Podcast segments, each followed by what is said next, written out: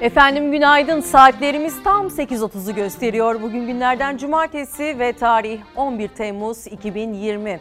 Herkese mutlu bir hafta sonu diliyorum. Ben Merve Yıldırım. Bugün güne zaman geçtikçe hashtag ile başladık. Merve Yıldırım TV, Twitter ve Instagram'dan zaman geçtikçe dediğiniz her ne varsa bizlere ulaştırabilirsiniz. Bu arada gündeme dair yorumlarınızı da bekliyoruz. Tabii ki yine birlikte konuşacağımız bir yayın olacak. Gündem oldukça yoğun. Dün geceden bu yana özellikle sıcak haberlerle karşınızdayız. Cumhurbaşkanı Erdoğan gece tam 20.53'te başlamış olduğu açıklamaların yankıları sokaklarda da aslında bazı görüntülere e, yol açtı. Ayasofya'da özellikle bir grup vatandaş namaz kılmaya başladılar ve tarih olarak 24 Temmuz'u beklemediler ama bunlara gelmeden önce gazete manşetlerimizle başlamak istiyoruz. En başta Akşam gazetesi geliyor. Akşam gazetesi hayırlı cuma olarak duyuruldu. Ayasofya Camii'nin asırlar sonra yeniden cami statüsüne geçmesini işte böyle duyurdu. Danıştay Ayasofya'yı müzeye çeviren 86 yıllık Bakanlar Kurulu kararını iptal etti. Hemen ardından Başkan Erdoğan caminin Diyanete devrine ilişkin kararnameyi imzaladı. İlk namaz 24 Temmuz'da. Türkiye Büyük Millet Meclisi ayrıca kararı ayakta alkışladı ve 8 e, e, MHP lideri ya da diğer muhalefet parti liderleri de bu konuya istinaden açıklamalar yaptı sosyal medyada. Bir diğer gazetemize geçelim. Hilal Cimangisi geliyor. Doğru Haber gazetesi zincirler kırıldı Ayasofya Camii artık özgür diye duyurdu bu haberi. Zincirler kırıldı 86 yıllık hasret sona erdi. Türkiye'de 24 Kasım 1934 tarihinde Ayasofya'nın camiden müzeye dönüştürülmesine dair alınmış olan karar Danıştay 10. Dairesi tarafından iptal edildi. Danıştay'ın iptal kararının ardından Ayasofya'nın üzerinde olan 86 yıllık esaret sona ererken Ayasofya resmi özgürlüğüne kavuşmuş oldu.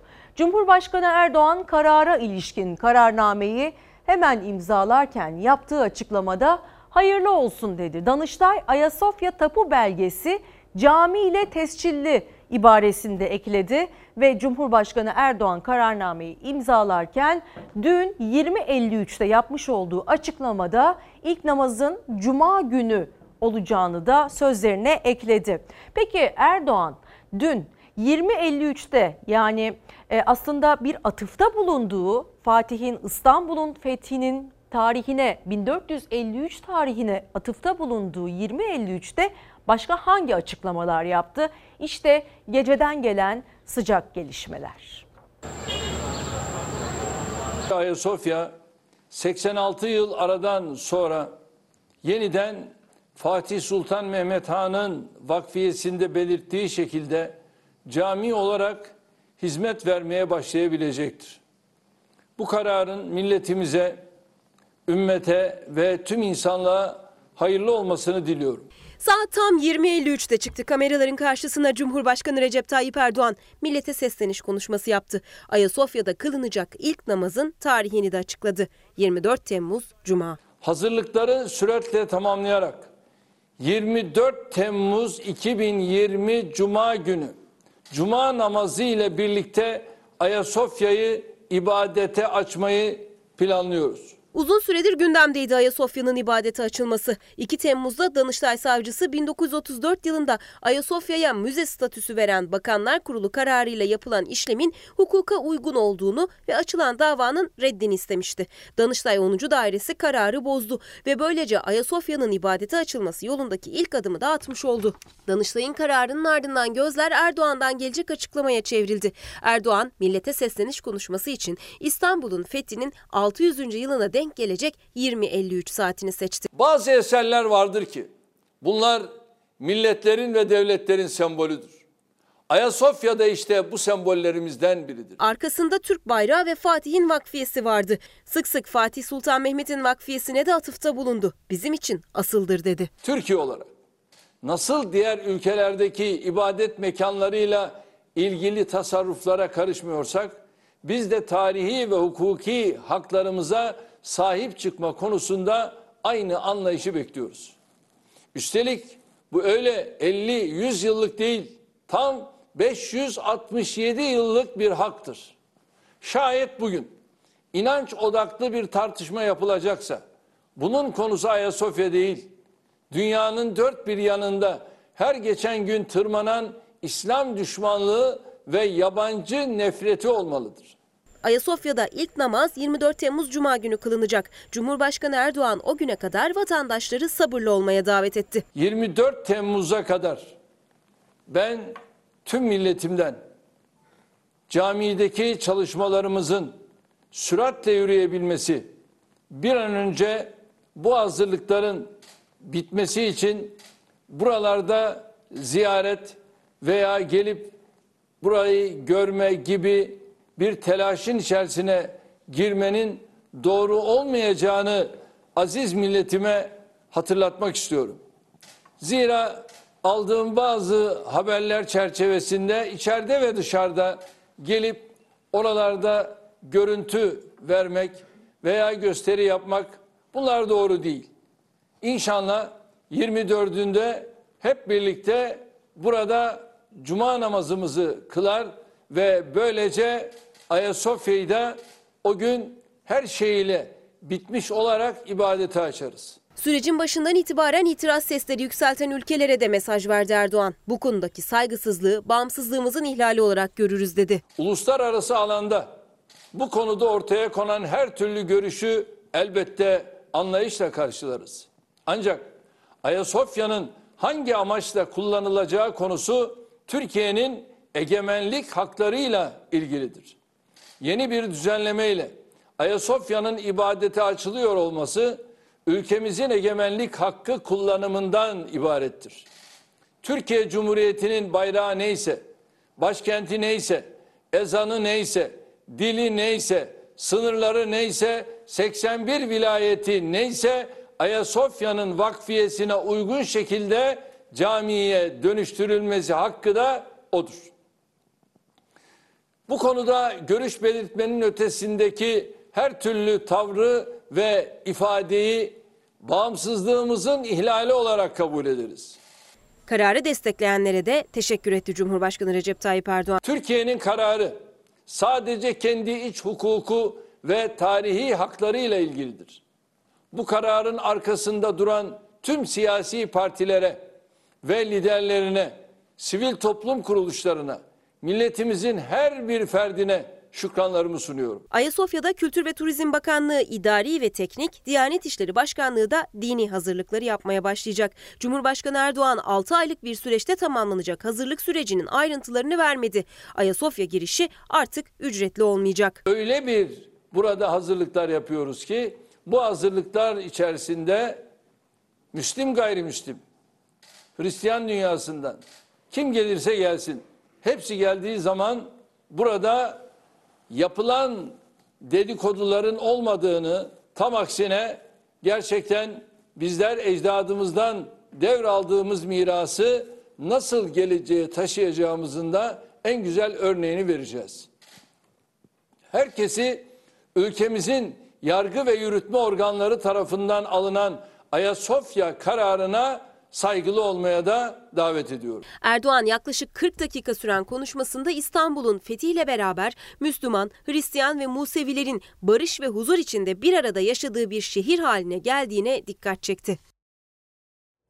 Özellikle son bir haftadan beri takip ettiğimiz bir konu konuydu anayasanın. Ee, daha önce çünkü üç defa buna başvurulmuştu ve Anayasa Mahkemesi'nden dönmüştü Ayasofya meselesi ve dünyanın da yakından takip ettiği önemli gündem maddelerinden biri oldu ki sosyal medyada zaten sabaha dek süren farklı başlıklarla e, açılmış olan tartışmalar vardı.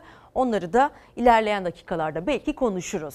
Yine Karar Gazetesi ile devam ediyoruz. Karar Gazetesi'nde Ayasofya 86 yıl sonra tekrar cami başlığını görüyorsunuz.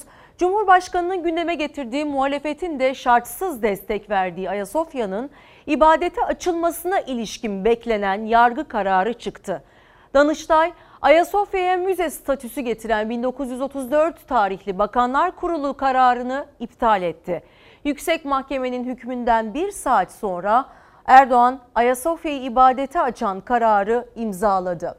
Muhalefet tek imzaya bakar açın demişti. E, bu arada ilk namazın 24 Temmuz'da olduğuna da değindi. Danıştay gerekçesi vakfedenin iradesiydi. Danıştay Başsavcısı da karar geçmişte Başkanla, e, Bakanlar Kurulu'nca alındı. Bu nedenle Ayasofya'yı açmak Cumhurbaşkanlığının takdirinde dedi. Kamuoyunun dikkatle izlediği sürecin ardından kararını açıklayan 10. Daire 1934 tarihli Bakanlar Kurulu kararını iptal etti. Gerekçede vakf e, gerekçede vakfedenin iradesi e, gereği sürekli cami olarak kullanılması gerektiğine de yer verildi. Bir saat sonra Cumhurbaşkanı Ayasofya'yı Diyanet'e devreden ve ibadete açan kararı imzaladı. Ve tabii ki diğer parti liderlerinin de görüşleri e, sosyal medyada çokça yer aldı. Devlet Bahçeli tarihi bir günde Ayasofya'nın kapıları ardına kadar açıldı yorumunu yaptı. Akşener açmaz demiştim, yanılmışım. Erdoğan'ı tebrik ediyorum dedi. Davutoğlu iktidar ve muhalefetin sorumlu tavrı takdire şayan ifadesini kullandı. Karamollaoğlu milletimizin uzun yıllardır var olan arzusu yerine geldi dedi ve Babacan insanlığın ortak tarihi mirasının ibadete açılması hayırlı olsun yorumunu yaptı. Evet Danıştay günlerdir beklediği e, Danıştay'dan günlerdir beklenen karar açıklandı ve Ayasofya asırlar sonra cami statüsüne geçti. Tam 86 yıl sonra müze statüsünden cami statüsüne geçti. 1934 tarihli kararname imzalandı. Peki olaylar nasıl gelişti? Buyurunuz efendim. Ayasofya Camii Yönetimi'nin Diyanet İşleri Başkanlığı'na devredilerek ibadete açılmasına karar verilmiştir. 86 yıl sonra Ayasofya'nın müze statüsüne nokta bu kararla konuldu. Ayasofya ile ilgili ilk adımı Danıştay attı. Cumhurbaşkanı jet hızıyla Ayasofya'nın ibadete açıldığını hayırlı olsun diyerek duyurdu. Mecliste karar alkışlarla okundu. Danıştay 10. dairesi kararı iptal ettiğinden Ayasofya Camii'nin ibadete açılmasına karar verilmiştir. Hayırlı olsun. Milletimize hayırlı olsun. Ayasofya sizin değildir diyenlere karşı Türkiye Büyük Millet Meclisi'nde yüreğimizi tam ortaya koyarak bizimdir diyoruz. Vakıf senedinde sürekli olarak tahsis edildiği cami vasfı dışında kullanımının hukuken mümkün olmadığı sonucuna varıldığından Ayasofya'nın cami olarak kullanımının sonlandırılarak müzeye çevrilmesi yönündeki Bakanlar Kurulu kararının iptaline. Üstad Necip Fazıl Kısaküre'nin 55 yıl önce dediği gibi bekleyin gençler ama bugün ama yarın Ayasofya açılacak. Gözler Danıştay'ın kararındaydı. 2 Temmuz'da Danıştay savcısı 1934 yılında Ayasofya'ya müze statüsü veren Bakanlar Kurulu kararıyla yapılan işlemin hukuka uygun olduğunu ve açılan davanın reddini istemişti. Bir hafta sonra Danıştay 10. Dairesi oy birliğiyle tam tersi karar verdi. Ayasofya'nın Fatih Sultan Mehmet Vakfı'nın mülkiyetinde olduğu vurgusuyla. Ayasofya'nın vakfedenin iradesi gereği sürekli şekilde cami olarak kullanılması için toplumun hizmetine sunduğu, tapu belgesinde de cami vasfıyla tescilli bulunduğu vakıf senedindeki niteliğinin ve kullanım amacının değiştirilmeyeceği kuşkusuzdur. Ayasofya konusunda yöneltilen ithamlar doğrudan egemenlik haklarımıza saldırı anlamını taşımaktadır. Ya bizim topraklarımızda egemenlik konusu mu tartışılır? Bir kararnameyle İbadete açılacak. Bu kadar basit. Açıyorsanız açarsınız. Yani bunu siyasi rant alanına dönüştürmek kadar büyük bir yanlış yok. Onlar şöyle hesapladılar. Biz şimdi bunu e, müzeyi ibadete dönüştüreceğiz. CHP buna karşı çıkacak. Biz de diyeceğiz ki bak işte gördün mü bu CHP? Biz diyorduk yıllardır bunlar dinsiz imansız diye. Bak yine karşı çıktılar. Açıyorsan aç kardeşim. Danıştay 10. Dairesi'nin kararından hemen sonra jet hızıyla Cumhurbaşkanı Erdoğan Ayasofya'nın ibadete açıldığını duyuran kararı imzaladı. Ayasofya Camii Yönetimi'nin Diyanet İşleri Başkanlığı'na devredilerek ibadete açılmasına karar verilmiştir. Diyanet İşleri Başkanlığı'na devredilerek ibadete açılmasına karar verilmiştir. Milletimizin e, içinde, kalbinde, gönlündeki bir hasret sona ermiştir. Milletimiz için hayırlı olsun. Karar siyasette de yankısını hemen buldu. İlk tartışması dahi çıktı. Bugün sevinirken kimse üzülsün de istemiyoruz. Amasız bir hamdolsunu bütün meclis olarak diyebilmeliyiz. Benim altını çizdiğim yok nokta ama fakat değil. Hayırlısı olsun demedin, dedin demedin. Bu saçmalık yani. Evet, peki. Bütün millet, dünya bizi izliyor. Buradan Ayasofya mutluluğunu yaşayarak bir süreç yaşayalım. Bırakın Önemli ve kıymetli bir ibadethane. Bugün toplumu ayrıştıran değil, bütünleştiren bir amaca hizmet etmesini temin ediyorum. Muhalefet Ayasofya'nın cami olarak ibadete açılması kararının iktidarın elinde olduğunu siyaseten malzeme edilmemesini söyleye gelmişti. Bahçeli tavrını Ayasofya'da çan sesinin yerini ezan sesi alacak diyerek günler öncesinden belli etmişti. Şimdi gözler 86 yıl sonra kılınacak ilk namazda. Tüm dünyanın yakından takip ettiği bir meseleden bahsediyoruz. Hürriyet gazetesi Ayasofya açılıyor başlığıyla duyurdu bu önemli haberi. Danıştay Ayasofya'yı müzeye dönüştüren 1934 tarihli Bakanlar Kurulu kararını iptal etti. Bu kararla Ayasofya 86 yıl sonra yeniden ibadete açılıyor. Fresk ve mozaikler namaz sırasında teknoloji kullanılarak karartılacak ve Giriş ücretsiz, yerli, yabancı herkese açık olacak. Ayasofya'ya giriş ücreti kaldırılacak. Caminin namaz kılınacak bölümlerinde zemine ışık sistemi konulacak.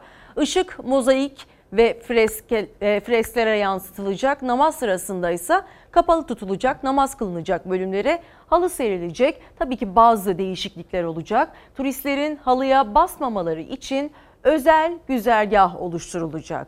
İşte böyle bir hazırlık içerisinde Ayasofya ve 24 e, Temmuz'da da ilk cuma namazı kılınacak. Ancak bu haberi sabırla bekleyemeyen bazı vatandaşlar dün gece bir grup vatandaş Ayasofya'da meydanda toplandılar ve Ayasofya'ya doğru ilk namazlarını kıldılar. Sabaha dek oradalardı. Yatsı ezanına dek orada kendilerince ibadet etmeye çalıştılar. Akşam saatlerinde yaklaşık bin kişi Ayasofya önündeydi. Kalabalık meydanda akşam namazı kıldı. Danıştay'ın Ayasofya kararını iptalinin ardından Karaman Sivil Toplum Platformu üyeleri konvoy oluşturup şehir merkezinde tur attı. İstanbul'da ise kutlamanın adresi Ayasofya Meydanı'ydı. Allah binlerce kere razı olsun. Bunun Bin kişiye yaklaşan kalabalık meydana seccadelerini serdi. Akşam namazı kıldı. Gözyaşlarını tutamayanlar vardı. Kalabalık yatsı ezanına kadar Ayasofya'nın önünden ayrılmadı. Ayasofya'nın içinde henüz namaz kılınamıyor ama burada toplananlar Ayasofya'nın hemen önünde seccadeleriyle birlikte geldiler ve akşam namazını burada kılıyorlar. Hemen ardından da şükür namazını kılacaklar. Ayasofya'nın ibadete açılması kararının açıklanmasıyla 11. Cumhurbaşkanı Abdullah Gül, İyi Parti Genel Başkanı Meral Akşener, Gelecek Partisi Genel Başkanı Ahmet Davutoğlu ve Demokrasi ve Atılım Partisi Genel Başkanı Ali Babacan hayırlı olsun mesajlarını paylaştı. MHP lideri Devlet Bahçeli yaptığı yazılı açıklamayla Müslüman Türk milletinin haklı ve meşru beklentisi karşılık bulmuş. Ayasofya'nın kapıları hamdolsun ardına kadar açılarak tertemiz alınların seccadeyle buluşması sağlanmıştır dedi. Diyanet İşleri Başkanı Profesör Doktor Ali Erbaş da sosyal medyadan yaptığı paylaşımda Şimdi bize düşen ulu bir cami olarak Ayasofya'nın ifade ettiği manaları yeryüzüne egemen kılmak için daha büyük bir inanç, azim, heyecan ve özveriyle çalışmaktır dedi.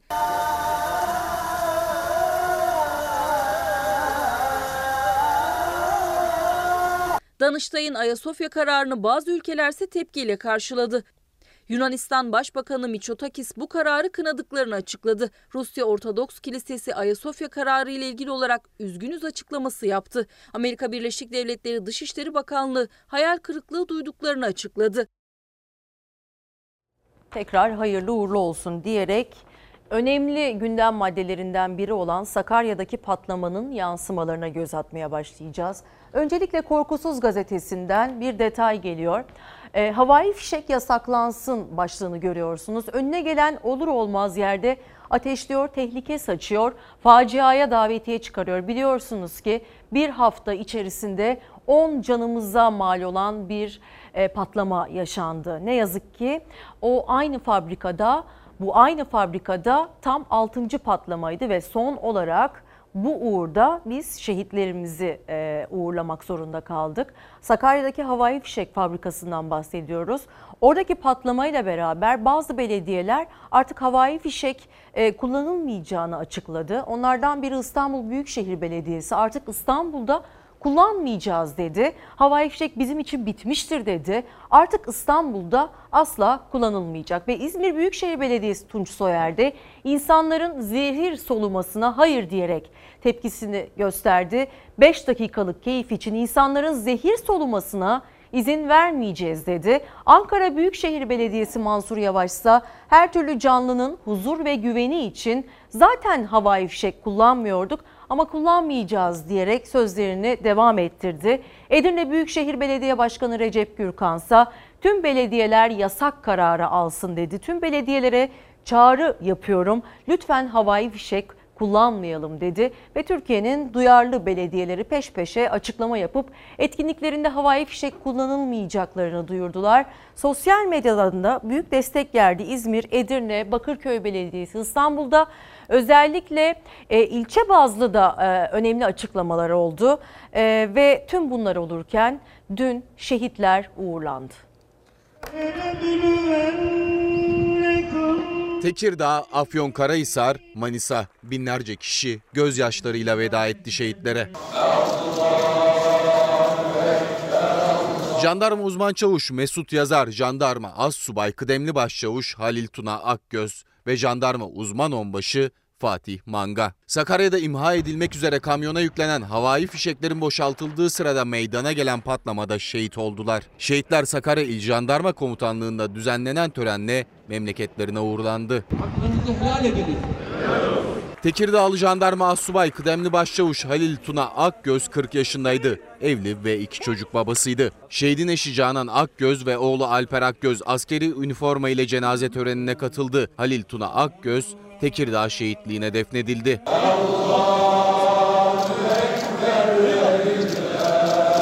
Uzman onbaşı Fatih Manga için baba ocağı Afyonkarahisar'da cenaze töreni düzenlendi. İçişleri Bakanı Süleyman Soylu da şehidin cenazesine omuz verdi. Şehit Manga Kocatepe Asri Mezarlığı'nda toprağa verildi. Şehit jandarma uzman çavuş Mesut Yazar'ın cenaze töreni Manisa Alaşehir'deki futbol sahasında yapıldı. Şehidin cenaze namazında sosyal mesafe kuralları uygulandı. Allahu Ekber. Şehit uzman çavuş 32 yaşında bekardı. Mahalle mezarlığında son yolculuğuna uğurlandı.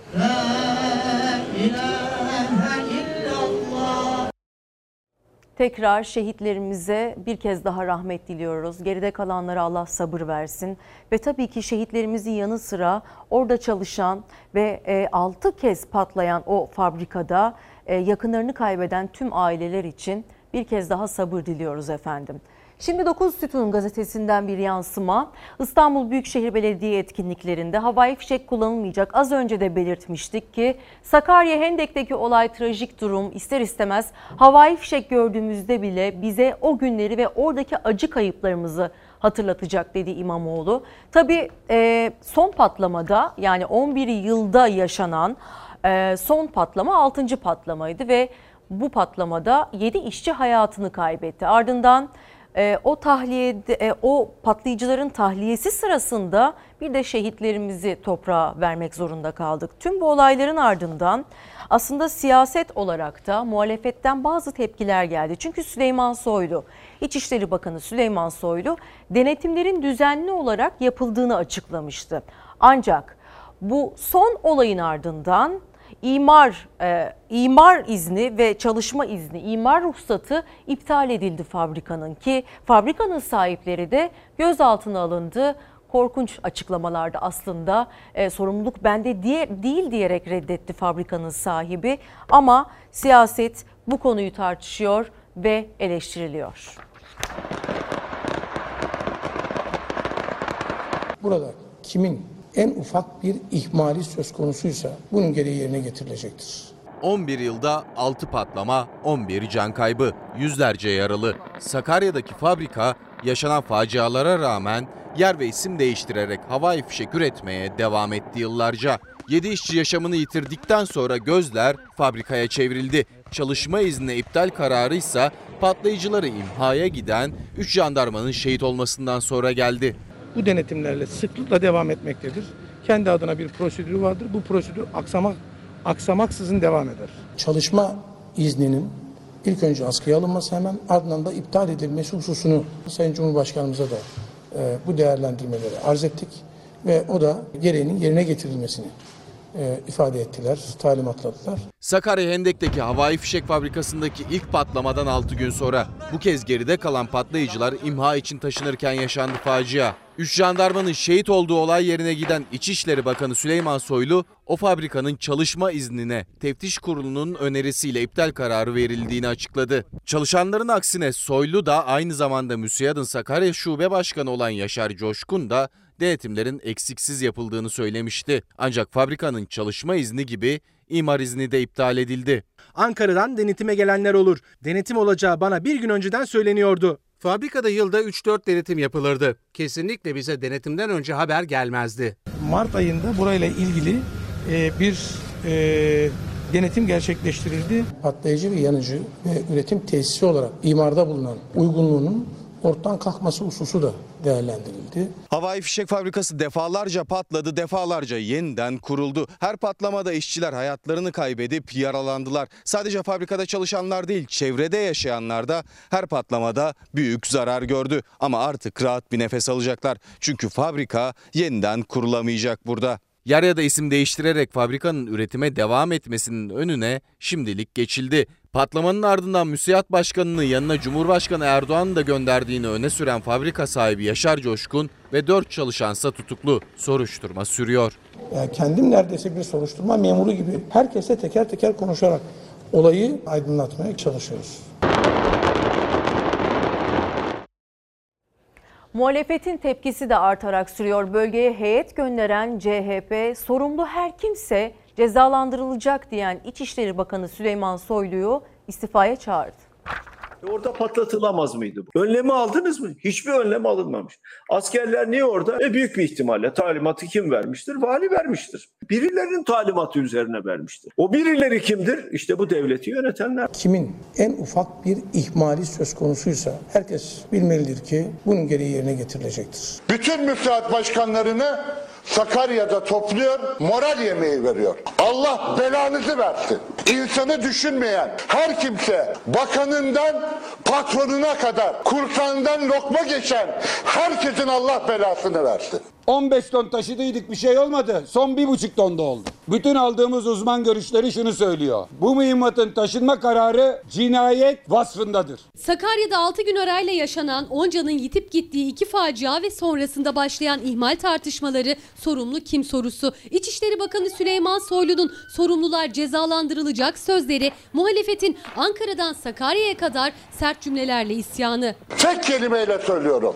Allah belanızı versin. İhmali olanlarla ilgili tutuklama konusunda fabrikanın yöneticileri için gerekli kararları başsavcılığımız ve adalet mekanizmamız adliyemiz yerine getirmiştir. Talimatı kim verdi? Niçin önlem alınmadı? Önlemin alınıp alınmadığı konusunda özel bir çaba gösterildi mi? Biz bu patlayıcıları yükledik. Bunlar sanki sokakta çöpler toplanıyor, çöp alanına dökülüyor. Patlayıcının ne olduğunu bilmiyorlar. Çünkü devletin ne olduğunu bilmiyorlar. Bu feryatların, bu çığlıkların, bu İçişleri Bakanı o koltuğunda oturduğu müddetçe asla durmayacaktır. Anaların yüreği soğumayacaktır. CHP istifaya davet etti. İlk facia sonrasında patlamadan 3 ay önce fabrikanın denetlendiğini söyleyen İçişleri Bakanı Süleyman Soylu'yu. Mart ayında burayla ilgili denetim gerçekleştirildi. Patlayıcı bir madde içerdiği sebebiyle. Süleyman Soylu 3 ay önce denetlemiştik. 1. Kendi paçasını kurtarıyor. 2. Fabrika sahibini kurtarıyor. 3 ay önce denetlediğinde bu fabrika niye yanardağ gibi patladı? Sen denetlediğinde demek ki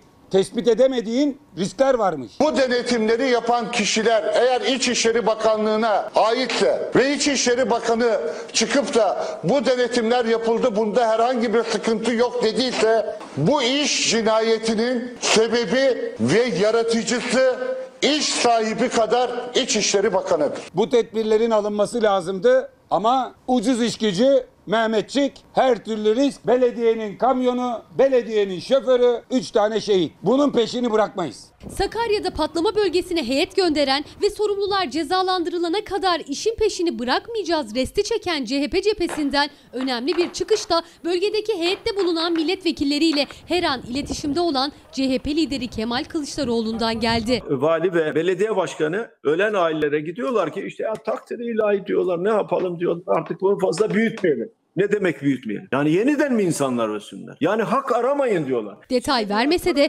sözleri dikkat çekiciydi Kılıçdaroğlu'nun. CHP'den peş peşe gelen iddialar ve sözler için gözler İçişleri Bakanı Süleyman Soylu'da. Fabrikanın sahipleri olayın 5. gününde gözaltına alındı. Bu arada ifadeleri de çok e, dikkat çekiciydi. Hem e, üretim için baskı yapılıyordu diyen oradaki çalışanın ifadesi ortaya çıktı. Bunların karşısında e, denetim öncesinde haber gelirdi bize dedi o tanık. E, ve aynı zamanda sahibi de kontrollü, kontrol ve sorumluluk bana ait değildir diyerek tüm suçlamaları reddetti. Tabii tüm bunların yanı sıra 15 ton imha edilmişken geriye kalan 1,5 ton patlayıcının imha edilme çalışmasında şehit olan askerlerimizin ardından uzmanlara göre de patlayıcıların e, taşınmasına uyul, taşınmasında uyulması gereken bazı kurallar göz ardı edildi.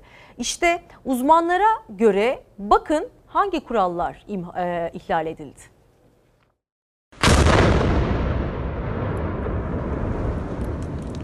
en ufak bir sürtünme bile, en ufak bir kıvılcım bile, en ufak bir ısı yüksekliği bile daha önce zaten içten içe yanmakta olan, reaksiyona girmiş olan malzemenin patlamasına yeterdi zaten. İşte bu kadar riskliydi. 3 Temmuz'da 7 işçinin yaşamını yitirdiği fabrikadan patlayıcılar imha edilmek üzere taşındı. İndirilirken büyük bir patlama daha yaşandı. 3 jandarma şehit oldu. Neden yerinde imha edilmedi? Doğru araçla mı taşındı? İndirilirken hata mı yapıldı? Jandarma neden oradaydı? Uzmanlara göre taşıma işlemi soru işaretleriyle dolu.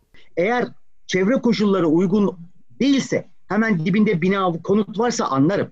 Ama burada öyle bir durum da yok. Zaten çevresinde konut yok. Patlayan patlamış, çukurlar açılmış. Gayet yer uygun o yerde bunları patlatmak gerekiyordu. Afet uzmanı Doktor Kubilay Kaptan'a göre 3 Temmuz'daki facianın ardından Sakarya Hendek'teki havai fişek fabrikasındaki patlayıcılar en az 15 gün soğutulmalıydı. Yerinde imha riski azaltırdı. İkinci soru işareti ise patlayıcıların taşındığı kamyonlara ilişkin. İddiaya göre özel korumalı araçlar yerine çakıl ve kum taşınan kamyonlar kullanıldı. Onlara denmiş ki bunlar tehlikesiz.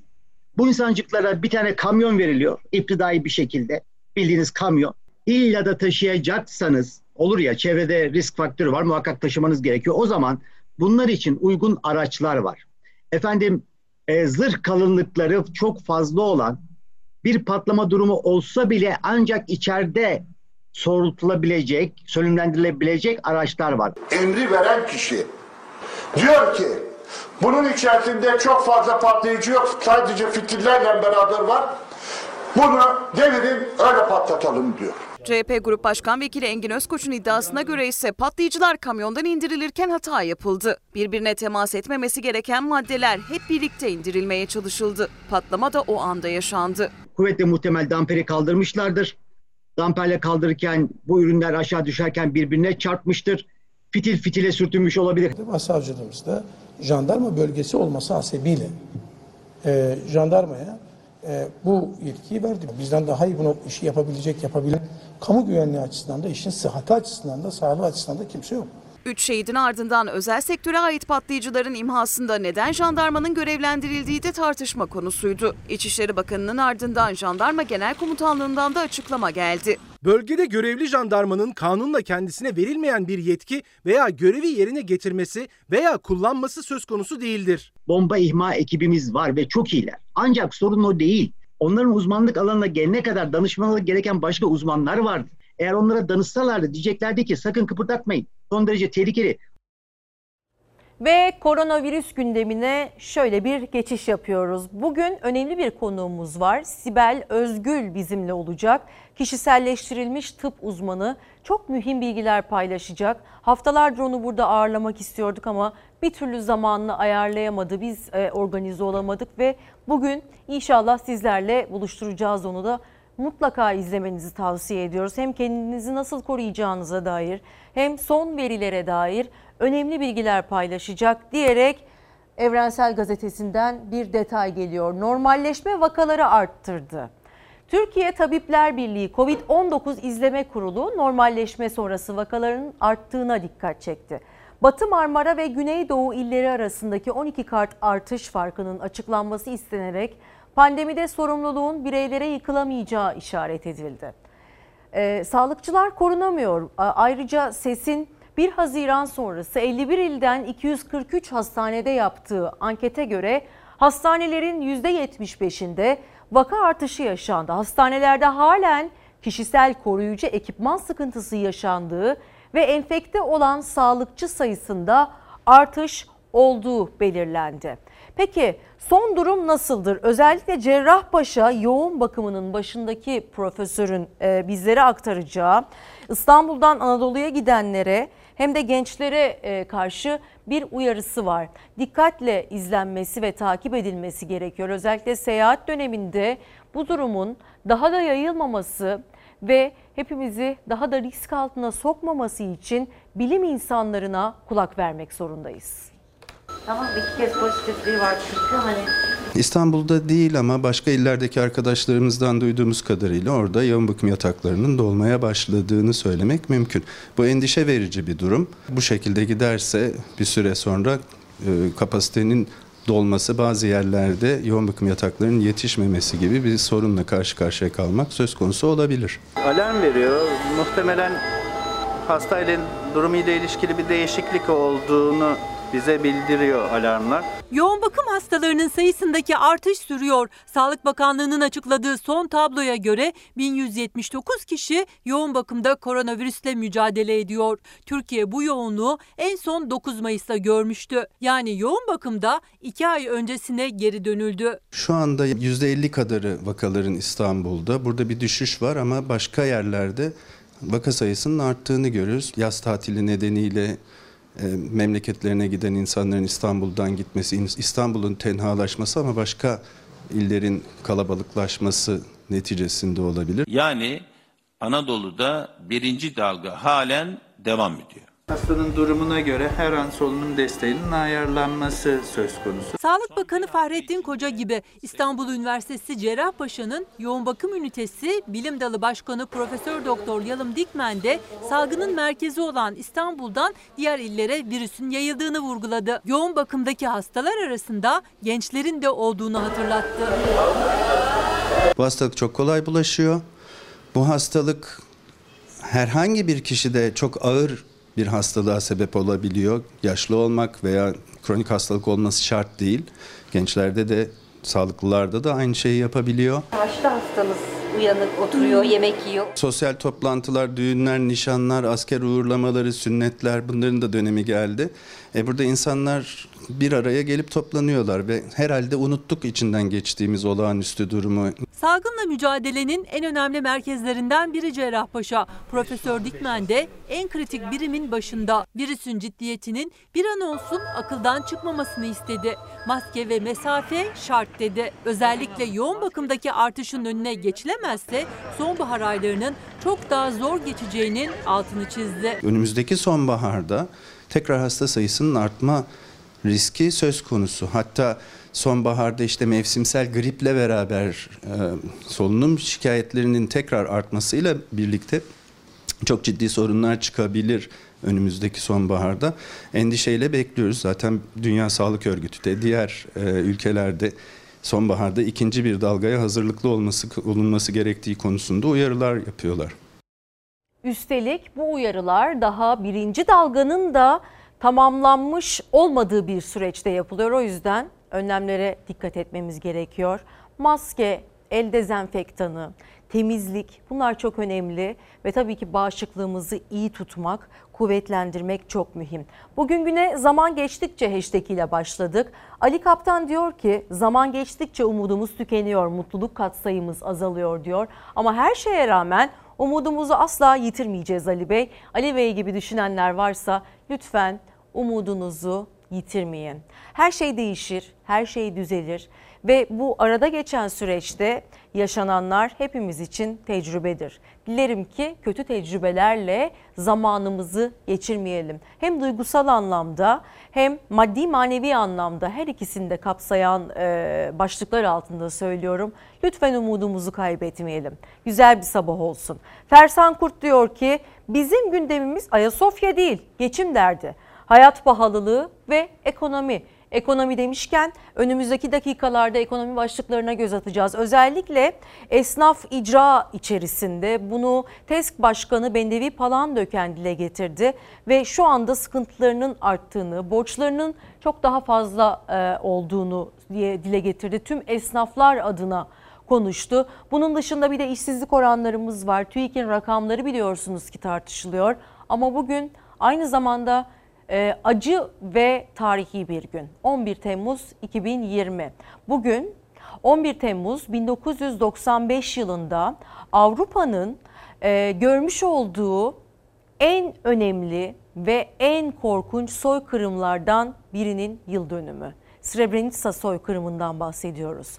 Bugün 25 yıl sonra katledilen masum insanlar soykırımda e, bir şekilde öldürülen ve yıllar boyunca mezarlarının bile tam anlamıyla olamadığı e, boşnaklar için çok değerli ve çok acı bir gün. Srebrenica'da anma törenleri yapılıyor. Burada bir fotoğraf karesi görüyorsunuz. Burası Yugoslavya'nın dağılma sürecinde Bosna Savaşı'nda e, yaşanan güvenli bölge olarak ilan edilen Srebrenica'daki insanların mezarları.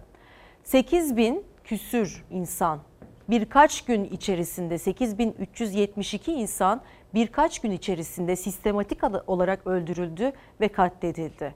Ve tam 25 yıldır adalet arıyor onlar. Şu anda halen kemikleri ayrıştırılarak kimlik tespiti yapılmaya çalışılıyor. Bir kez daha ırkçılığın, görüş ayrılığının ne kadar ileri boyutlara e, varabileceğinin üzerinde durmamız gerekiyor aslında bu yıl dönümünde. Çünkü yakın tarihimizde yaşanan en korkunç soykırım ve en korkunç manzaralardan biri. Bugün onları da almış olacağız. Tüm e, Bosna'da, Saraybosna'da, Sırbistan'da, Yugoslavya'nın dağılma sürecinde, savaş döneminde 91-95 yılları arasında hayatını korkunç şekilde kaybeden tüm insanları bir kez daha rahmetle anıyoruz.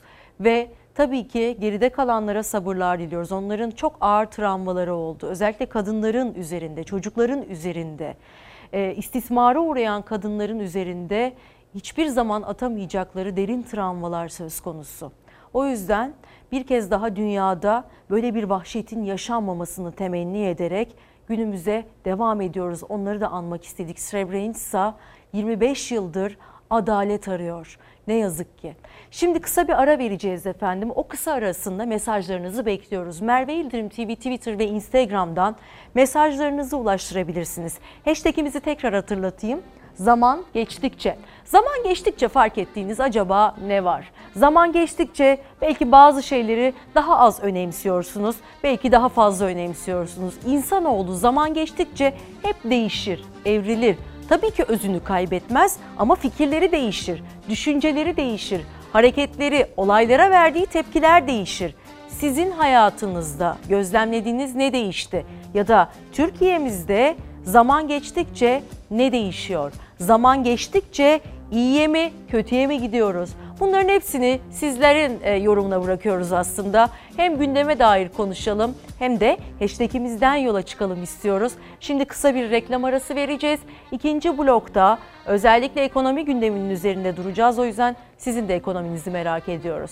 Şimdi kahveler hazırlansın, çaylar koyulsun ve buluşalım. Efendim yeniden birlikteyiz. Saatlerimiz tam 9.30'u gösteriyor. Bugün günlerden cumartesi ve tarih 11 Temmuz 2020 güne zaman geçtikçe hashtag ile başladık. Hemen sizden gelen birkaç mesajı paylaşmak istiyorum. Gülay Hanım diyor ki zaman geçtikçe bilinçlenerek e, bilinçlenecek sandığımız insanlar maalesef evde geçirdiği günleri unutuyor diyor. Sinan Bey diyor ki zaman geçtikçe işsizlik fazlasıyla göz ardı ediliyor. Zaman geçtikçe Covid-19 için halkımız bilinçleniyor. Maske, mesafe ve hijyen üçlüsüne daha çok uyuyor ama uymaya da devam etmesi gerekir diyor. Ee, e, başka bir izleyicimiz de diyor ki zaman geçtikçe faizler düştü ama araç ve ev e, ev fiyatları yükseldi diyor ve emeklilere yapılan zam oranlarıyla alakalı da oldukça fazla eleştiri var. Bu blokta e, ekonomi başlıklarının üzerinde duracağız. Bir e, hatırlatma var Güler Özdağ'ın Uçaş'tan. Geçtikçe zaman 3600 ek göstergeyi unutuyorlar sanıyorum ki diyor ve Burak Arslan sabah bu sabah Bülent Ortaçgil'in Yağmur isimli şarkısından bir atıfta bulunmuş. Her şey olur, her şey büyür, her şey geçer, hayat kalır zaman geçtikçe. Bizde de umut olsun diyelim efendim. Evrensel Gazetesi'yle devam ediyoruz. Evrensel Gazetesi'yle devam ederken işsizlik Türkiye'nin en büyük problemlerinden biri. Bunu herhalde bir kez daha bir kez daha vurgulamamızda hiçbir sakınca yok. Özellikle Türkiye İstatistik Kurumu'nun verileri tartışılıyor. Koronavirüs salgınında ekonomik kriz koşullarında yakalanan Türkiye'de işsizlik tarihi zirveyi gördü. Disk-R işsizlik oranını %28.7 olarak açıkladı. Fakat Disk-R'ın bu raporunu baz almıyor. Türkiye İstatistik Kurumu'nu sizlerle paylaştıracağız şimdi. Çünkü Türkiye İstatistik Kurumu'nun aslında verileri e, tartışılıyor. Evet çok zor bir süreçten geçiyoruz. Sadece biz değil, dünya. Ama hazırlıksız yakalanan ülkeler arasında olduğumuz bir gerçek. Ve Türkiye İstatistik Kurumu Nisan ayında işsizliğin düştüğünü açıkladı. Bu iş nasıl oldu? Acaba salgın döneminde insanlar bu kadar işsizlikten e, şikayetçi olurken işkur kapısında uzadıkça uzayan bir sıra söz konusuyken nasıl oldu da veriler tam tersi olarak çıktı? Ekonomi uzmanlarına göre bunun sebebi TÜİK'in değiştirdiği işsiz tanımı koronavirüs salgının başlamasıyla birlikte görüldüğü üzere ülkemizde işsizlik azalmış. Mümkün mü derseniz e, tabii ki değil. Koronavirüs salgınının Türkiye'de patlak verdiği ay düşmüştü işsizlik. En yoğun yaşandığı Nisan ayında da düştü. %13,2'den %12,8'e geriledi. TÜİK'e göre Mart ayında 3 milyon 971 bin kişi işsizdi. Nisan ayında bu rakam 3 milyon 775 bin kişiye indi. TÜİK'e göre iş bulmaktan daha zor bir şey var. İşsiz olmak, işsiz sayılmak. TÜİK saymıyor bunları çünkü tanım şöyle. Ümidini yitirmemiş olacaksınız çalışmak isteyeceksiniz. Son 4 hafta içerisinde çalışma kanallarından en az birine başvuracaksınız. 2 hafta içerisinde çalışmaya hazır olacaksınız. Ücretsiz de olsa, sigortasız da olsa çalışmayı kabul edeceksiniz ve iş bulamayacaksınız. İşte o zaman işsizsiniz. Çalar Saati İlker Karagöz'ün konuğu olan ekonomi uzmanı Doktor Murat Kubilay, TÜİK'in değiştirdiği işsiz tanımı nedeniyle Nisan ayında işsizliğin düştüğünü söyledi. Çünkü en önemli kriter umudunu kaybetmemiş olmak ve iş aramak. Ancak ikisi de salgın döneminde mümkün olmadı. Türkiye'de çalışanların %8,4'ü ücretsiz aile işçisi.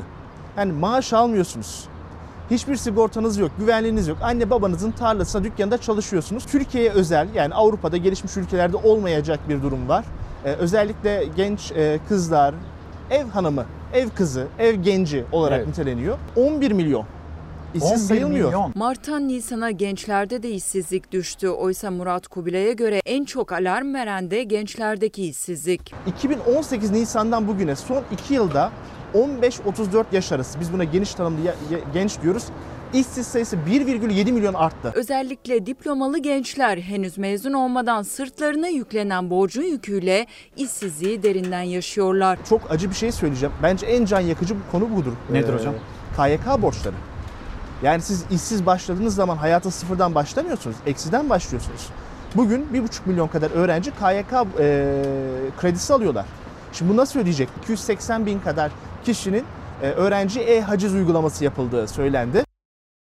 Özellikle işsizlik konusunda eğer bizleri izleyen e, izleyenler arasında bu süreçte işsiz kalanlar varsa ve nasıl bir süreçten geçtiklerini anlatmak istiyorlarsa Merve İldirim TV, Twitter ve Instagram'dan mesajlarınızı bekliyorum. Buna ağırlık vereceğim bu blokta. Ama şimdi gazetelerdeki yansımalara bakmaya devam ediyoruz. Evrensel özür dilerim Korkusuz gazetesinden bir detay. Bu işe akıl sır ermiyor. Millet işsizlikten kıvranıyor. Rakamlar tersini söylüyor. TÜİK'e göre pandemi döneminde işsizlik düştü. Türkiye İstatistik Kurumu yine şaşırttı. Kurum işsizlik oranının salgının etkisiyle istihdamın dibe vurduğu Nisan ayında geçen yıla göre 0.2 puanlık düşüşle %12.8'e gerilediğini ilan etti. İşsiz haykırıyor ama Ee, ne yazık ki işsizlik azalmış olarak duyuruyor Türkiye İstatistik Kurumu verileri. Ee, yani işsiz sayısı 427 bin azalarak 3 milyon 775 bin oldu bu verilere göre. İşsiz vatandaşlarsa işsizlik azalmış mı? İş, e, iş bulmak için çalmadık kapı bırakmıyoruz. Bu işe biz de şaştık kaldık diyor. Ve CHP'li vekil Gülizar Emecan'dan da bir tepki var. İşsiz vatandaşın hali kırmızı alarm veriyor diyor. Muhalefetten gelen eleştirileri sizlerle paylaşmadan önce Cumhuriyet Gazetesi'nin bu habere nasıl yaklaştığını paylaşmak istiyorum. Evet Cumhuriyet Gazetesi TÜİK'ten bir mucize daha diyerek duyuruyor bu haberi. İş umudu tükendi. İş gücü %9 azalışla 20, 29.4 milyon, istihdam %9 düşüşle 25.6 milyona indi.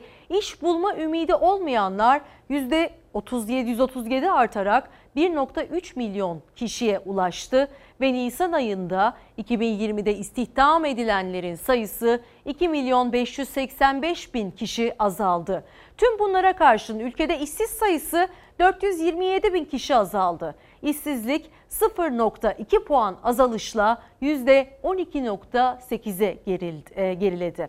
Gerçek e, tablo ise aslında vahim diğer araştırmalara göre. Özellikle DİSK yani Devrimci İşçi Sendikaları Konfederasyonu Araştırma Merkezi'ne göre Türkiye'nin tarihin en büyük iş ve istihdam kaybının yaşadığı üzerinde duruldu. Tabii ki sosyal medyada özellikle sesini duyurmaya çalışan milyonlarca vatandaşın e, bu olayı tiye aldığını da söylemek mümkün. Çünkü Türkiye İstatistik Kurumu'nun güvenilir tablolarla kamuoyunun karşısına çıkmadığı artık bir gerçek. Tabii muhalefet de bu duruma tepki veriyor. Bakın nasıl eleştiriler var. Türkiye'de pandemi döneminde işsizliğin artmadığını hatta azaldığını söylüyor. TÜİK'e sormak lazım. Bu rakamlar acaba hangi ülkenin rakamları? Herkes işsizlikten kıvranırken TÜİK'in yapmış olduğu açıklama insanların aklıyla alay etmedir. Türkiye'de işsizliğin düştüğünü söyleyen bir istatistik kurumuna, bir ekonomi bakanına kargalar bile gürüyor bugün. Ama maalesef Türkiye'de her şey kayınbaba, damat, AŞ tarafından belirleniyor. İstatistik kurumunun paylaşımlarına bakarak yandaş medyayı izliyor gibi hissediyorum ve sanki gözüm var görmüyor, kulağım var duymuyorum. Allah bize hidayet nasip etsin demekten başka şansımız kalmıyor. Nisan ayı işsizlik verisiyle yeniden eleştirilerin, şüphelerin hedefinde Türkiye İstatistik Kurumu. Çünkü koronavirüs salgınının en yoğun hissedildiği ve işten çıkarmaların yasaklandığı Nisan ayı döneminde TÜİ'ye göre işsizlik oranı %12.8'e geriledi. TÜİK'e bakacak olursa korona yaşanmadı. Yaklaşık 252 bin iş yeri hiç kapanmadı. 1 milyon 700 bin kişi işsiz kalmadı. TÜİK artık ciddi bir kurum olmaktan uzaktır. Dünya hızla bir ekonomik buhrana doğru sürüklenirken Türkiye e, büyük bir e, kalkınma hamlesi içerisinde galiba. İşsizlik azalmış, istihdam e, artmış. Ekonomik verilere baktığınızda e, fevkalade güzel günler bizi bekliyor gibi e, görünüyor. Bütün bunlar nasıl oldu? Doğrusunu isterseniz kestiremedik. Etrafınıza bakın. 10 kişiden bir kişi işsizse TÜİK doğru söylüyor.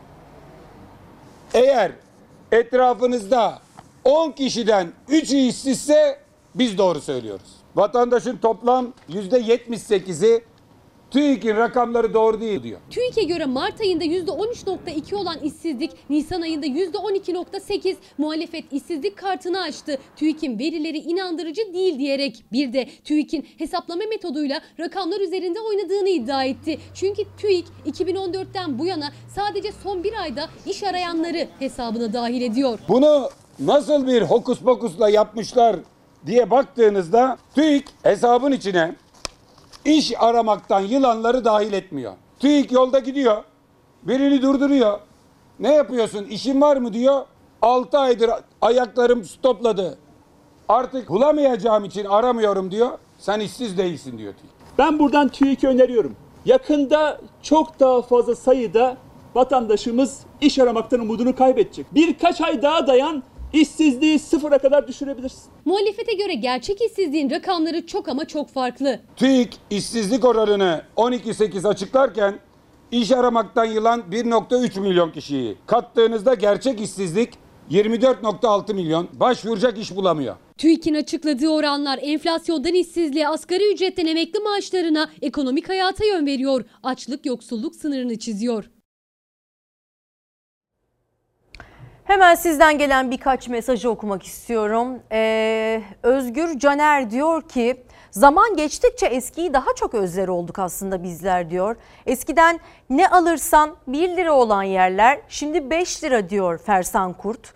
Ve oradan anlıyorum ki enflasyon nereden nereye gelmiş? Pazar, çarşı el yakıyor artık çok zorlanıyoruz diyen bir tüketici. Ve ee, özellikle güvenlik görevlilerinden çok fazla e, mesajlar geldi ve onlar pandemi sürecinde e, çok fazla işsiz kaldığını e, dile getiriyorlar ve e, ne yazıktır ki zaman geçtikçe bizler mağdur duruma geçiyoruz. Ne yapacağımızı bilmiyoruz diyorlar. Borçlarımız katlanıyor.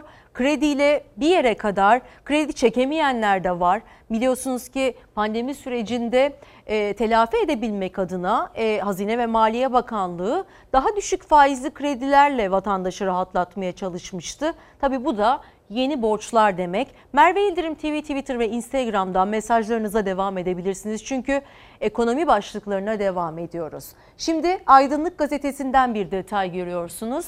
Türkiye İstatistik Kurumu'nun son açıklamış olduğu verilere istinaden bir başka pencere aslında. 4 gençten biri işsiz. Türkiye İstatistik Kurumu Nisan 2020 işsizlik verilerini açıkladı. İşsizlik geçen yılın aynı dönemine göre 427 bin kişi azalsa da aynı dönemde 2 milyon 175 bin kişi iş bulma ümidini yitirdi. İstihdam 5 puan azaldı. 15 ila 24 yaş arasındakilerde işsizlik %24.4'e ne eğitimde ne istihdamda olanların sayısı da 7 puanlık artışla %29.1'e ulaştı. Her 4 gençten biri işsiz durumda ve daha da acısı onlar çok umutsuzlar. Üstelik Amerika Birleşik Devletleri'nde 39 milyona dayanan işsizlik aslında dünya tarihinde büyük buhrandan bu yana en çok yaşanan en önemli ekonomik krizlerden birini geçirirken işsizlik verimlerinin Türkiye'de ülkemizde düşmüş olması hakikaten hakikaten bazen beyin yakıcı olabiliyor. Şimdi bir örnek göreceksiniz efendim. Gençlerimizden e, bahsettik. Her dört gençten birinin işsiz olduğunu biliyoruz. Resmi rakamlara göre ki resmi olmayan rakamlara göre bu oran çok daha fazla. Ve o gençlerimiz aslında çok nitelikli gençler. Kimi 3 dil biliyor, kimi 2 üniversite mezunu, kimi e, daha fazla niteliğe sahip. Aslında kuşak olarak da yeniliği takip etmeye meyilli bir kuşak ama onlar işsizler. Onlar ev gençleri olarak şu anda yaşamlarını sürdürmek zorundalar. Ve umutlarını her ne kadar yitirmiş olsalar da iş kur kapısında yeniden yeniden ümitlenmeye çalışıyorlar. İş arıyorlar efendim.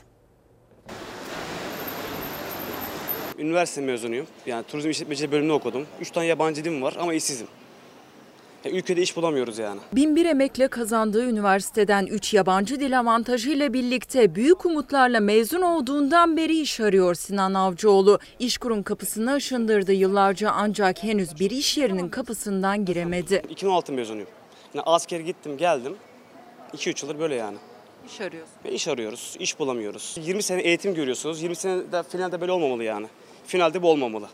Şurada olmamamız lazım. TÜİK'e göre gençlerde işsizlik azaldı ama işkurun önünde işsiz gençlerin yoğunluğu azalmadı. Onlardan sadece biri Sinan Avcıoğlu. 2016 yılında üniversiteden mezun oldu. Askerliğini tamamladı. Sıra iş bulmaya geldi. O günden bu yana 3 yıl geçti. Kredi kartı borçlarım var. Ayakta kalmaya çalışıyorum. Harçlığa ne yapıyorsunuz? Gençlerin en büyük sorunu harçlıktır. Yani öyle bir şey olmuş ki şu anda. Geri göre eşten dosttan para alıyoruz. Kafamızı yere eğiyoruz böyle. Eşten dosttan borç para istiyoruz yani. TÜİK'e göre işsizlik azaldı ancak işkurun önündeki manzara tam tersini söylüyor. Nisan ayının sonunda işten çıkarmalar yasaklandı. Ancak öncesinde işsiz kalanlar hala işsizler kuyruğunda. 123 Evet aşağıda da var abla. 671 lira 33 kuruş biriken elektrik borcu. Evet, evet. Bu da kı faturası. 412 milyon. Biriken mi bu? Evet. Biriken. Ödeyemiyorum. Cüzdanım boş. Bakın. Eve gideceğim. Şimdi o kırık param bile yok yani. Salgın başladıktan sonra işten çıkarmalar yasaklanmadan hemen önce işsiz kalanlar var. Hakan Çetinkaya gibi çoğu biriken fatura borçlarını ödeyebilmenin, çocuğuna bir dilim meyve götürebilmenin derdinde. Ne yediniz ne içtiniz? Kaymakamlıktan vefa destek kurumundan e, kurarsak geldi. Çocuk kavun istiyor, karpuz istiyor. Alamıyorum. 6 yaşında oğlum var. Alamıyorum. Sıkıntıdan bir anda be, kaşlarım böyle beyazlamaya başladı yani. Bir, aydır bir anda beyazladı kaşlarım. Ve daha nice işsizler yaşadıkları resmi rakamlarla örtüşmüyor. Ergül Çankur gibi daha fazla bekleyecek güçleri yok. Ne zamandan beri işsiz? Yaklaşık 3 aydır diyebilirim. Küçük bir çocuğum var, bakmak zorundayım. Şu anda benim 750 TL kira verecek bir gücüm yok. İşe ihtiyacım var, hem de acil işe ihtiyacım var. 4, 4 ön lisans, 2 lisans bölümü bitirdim. 6 aydır işsizim ve kil satıyorum. Toprak satıyorum. Ne yapabilirim başka? Çünkü iş bulamıyorum. Artık söyleyecek hiçbir cümle bulamıyorum diyen bir izleyicimiz var. Ve Çakır Bey bir ülke düşünün ki işsizlere, genç işsizlere yurt dışında iş arayın diye seslenilebiliyor. Ne yazık ki e, bu krizi biz kolay atlatamayacağız diyenlerden biri. Aysun Hanım diyor ki zaman geçtikçe e, daha da e, korkunç bir hale dönüşüyoruz biz bu konuda diyor. Aylardır işsizim, emekliliğin gelmiş deniyor ve EYT'li olmak benim suçum mu diye sorguluyorum. Merve Yıldırım TV Twitter ve Instagram'dan mesajlarınıza devam edebilirsiniz. Yer vermek istiyorum efendim. Caner Bey de diyor ki zaman geçtikçe eskiye özler oldu. Küçüklerin büyüklere, büyüklerin küçüklere saygı duyduğu ve paramızın bu kadar değersiz olmadığı günleri özlüyoruz. E tabii ki Türk lirasındaki değer kaybının da yatsınamaz bir gerçek olduğunu bir kez daha vurgulamakta sakınca yok diye düşünüyoruz. Bizim e, şu an içinde bulunmuş olduğumuz ekonomik gidişatı aslında uzmanların da görüşleri baz alınarak değerlendirildiğinde hiç de parlak olmadığı konuşulurken iktidar pembe bir tablo çizmeye devam ediyor. Üstelik dünyanın en büyük ekonomilerinden birine sahip e, olabileceğimiz umuduyla bunlar açıklanıyor. Hangisi doğru? Sizin e, kararınız, sizin takdiriniz. Ama galiba en önemli ekonomist olarak tüketicinin baz alınması her zaman en doğru e, analizlerden biri olacaktır. O yüzden sizin fikirlerinizi merak ediyoruz efendim. Hanelerinizde ne değişti? Özellikle son 3-4 aydan beri. Zaten içerisinde bulunduğumuz süreçte işsizlik konusunda çok ağır bedeller yaşadık ülke olarak. E, Konkordato ilan eden e, şirketler oldu, kapanan iş yerleri oldu ya da vergi yükü altında e, ve Türk lirasındaki değer kaybı e, söz konusu olduğunda bütçeleri daralan pek çok hane oldu. Ama tüm bunların yanı sıra bir de dolar e, biliyorsunuz ki kur şoklarıyla karşı karşıya kalmıştık. İşte tüm bunların yanı sıra bir de üzerine pandemi gelince aslında en ağır darbeyi almış oldu Türkiye vatandaşları, Türkiye Cumhuriyeti vatandaşları ve bu bize ne ifade ediyor? Merve İldirim TV, Twitter ve Instagram'dan yazabilirsiniz diyerek bir başka habere geçiyoruz. 820 milyon insan açlık sınırında aslında dünyadaki tabloyu sizlere özetleyecek bir haber bu. Koronavirüs salgını dünya üzerinde sosyal sorunları daha da artırıyor. Açlıkla Mücadele Örgütü 820 milyon insanın açlık sorunuyla karşı karşıya kaldığı uyarısında bulundu. Tüm dünyayı etkisi altına alan koronavirüs salgını uzmanlara göre açlık sorununu daha da derinleştirebilir. Alman Açlıkla Mücadele Örgütü küresel çapta açlık sorunu yaşayan insan sayısının yakın gelecekte 1 milyar kişiye çıkabileceği uyarısında bulundu. Tabii ki burada da aslında ülkemize geldiğimizde gıda fiyatlarındaki artışa dikkat çekmek istiyoruz. Son iki yılda TÜİK'e bile TÜİK'e göre bile ortalama %35 zam geldi gıda fiyatlarına. Tabii ki TÜİK'e bile dememizin sebebi genelde vatandaşın, tüketicinin e, oranlarından daha düşük oranlarla e, bizim karşımıza çıkan veriler, TÜİK verileri. Ama ona rağmen %35 oranında daha da pahalandı gıda fiyatları. Temel ihtiyaçlardan bahsediyoruz ki insanoğlunun hepimizin yaşaması sağlıklı yaşayabilmesi için, bağışıklığının güçlü olabilmesi için bazı besinleri düzenli olarak tüketmemiz gerekiyor. Aldığımız e, pek çok e, kişinin aldığı rakam, kazandığı ve evini geçirmeye çalıştığı rakam açlık sınırının altında, yoksulluk sınırının altında ve gıda fiyatları bu denli yükselmişken emekliler için her şey çok daha zor. Onlar emekli e, ikramiyelerden aslında e, umutluydu. Her yıl en azından bir nebze de olsa ikramiyeler onlara ilaç gibi geliyordu ama yıllardır onun da yerinde sayması, bayram ikramiyelerinin yerinde sayması onları çok yaralıyor. Emeklilik gerçekten bu ülkede çok zor. Hangi açıdan zorlanıyor? Ekonomik açıdan tabii ki. En çok hangi kalem sizi zorluyor? Mutfak. Çünkü her gün mutfağa zam geliyor. Her gün, her ay gıdaya gelen zamlar Haziran 2018'den bu yana %35'e ulaştı. O tarihte verilmeye başlanan emeklinin bayram ikramiyesine gelen zamsa sıfır. Bu bayram ilk ikramiyeyle aldıklarının neredeyse yarısına parası yetmeyecek emeklilerin. Haziran 2018'den bu yana Türkiye İstatistik Kurumu'nun açıkladığı enflasyon oranı 2 yılda %30.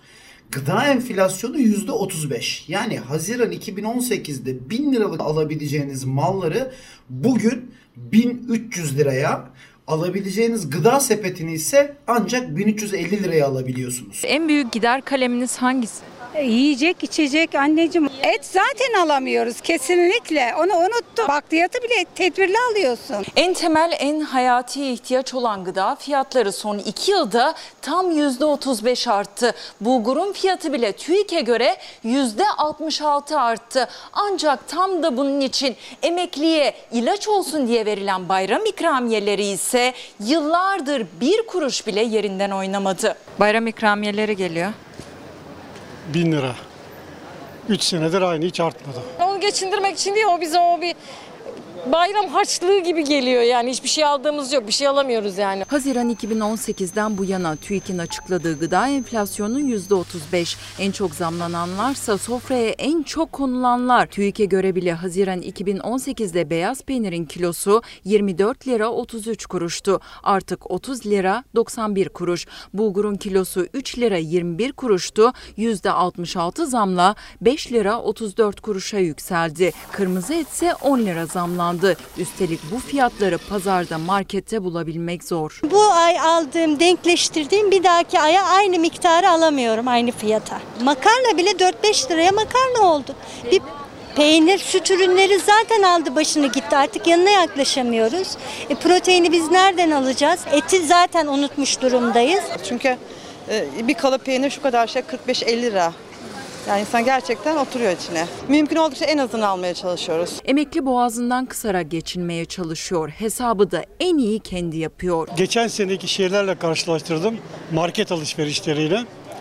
Gıdada yüzde 40 artış var. Mühendisim ben biraz hesap adamıyım. E sen yüzde 40 artış var. Yüzde 4 yıl başında yaptın emekliye. E, yüzde 5.75'inde. Yüzde 20'yi nereden karşılayacak emekli? Yine sizden gelen bir mesaj Ülker Bey yazıyor. Yıllarca emek verip çocuk okutmaya çalışıyoruz. Yıllar geçiyor ama Türkiye'de her şey aynı.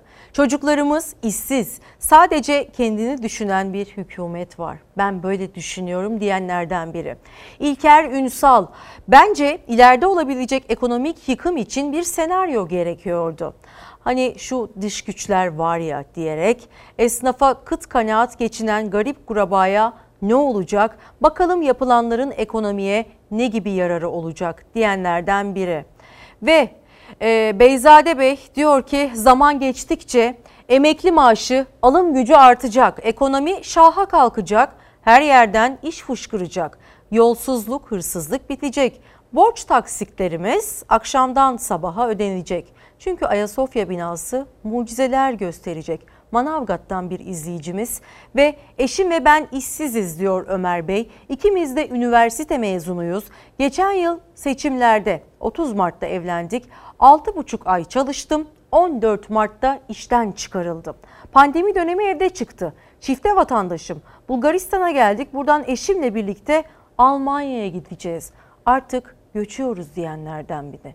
Aslında beyin göçü gerçeğini de e, burada bir kez daha konuşmamız gerekiyor. Gençlerimizin çoğu Türkiye'de değil e, yurt dışında artık yaşamak istiyorlar. Bunun en büyük sebebi ülkeden ne yazık ki umutlarını kesmiş olması. Orada umut peşinde olduk olma, e, umut peşinde koşmak için oralarda olmak istiyorlar. Daha iyi para kazanmak ve kendilerini daha iyi ispatlamak için.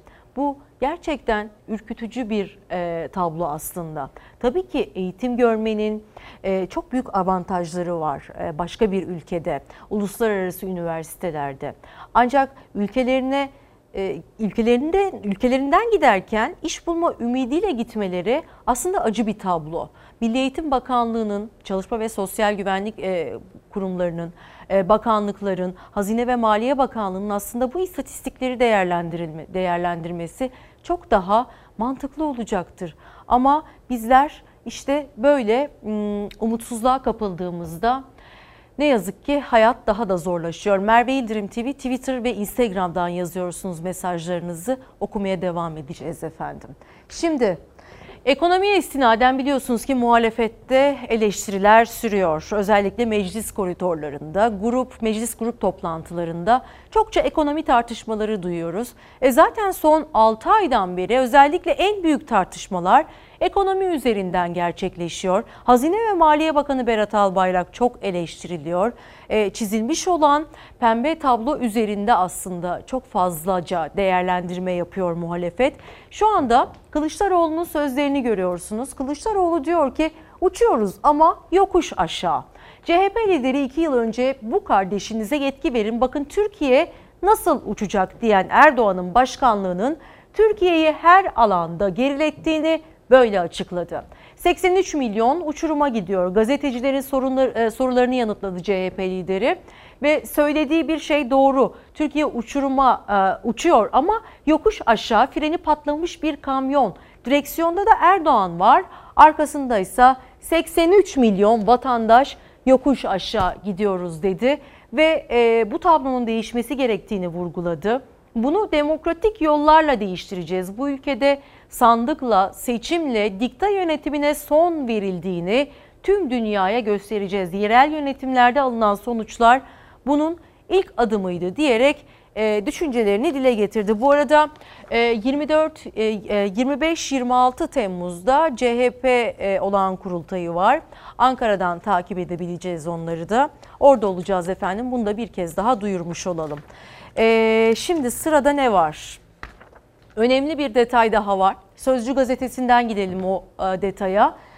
Şimdi e, biliyorsunuz ki Adana Büyükşehir Adana Belediyesi'nde Adana Belediye Başkanlığı koltuğunda bir hareketlilik söz konusuydu. Sözcü gazetesinde muhalif başkansan oturduğun koltuğu bile altından alıyorlar başlığıyla duyuruldu bu haber. Başkanlık makamındaki eşyalar böyle götürüldü.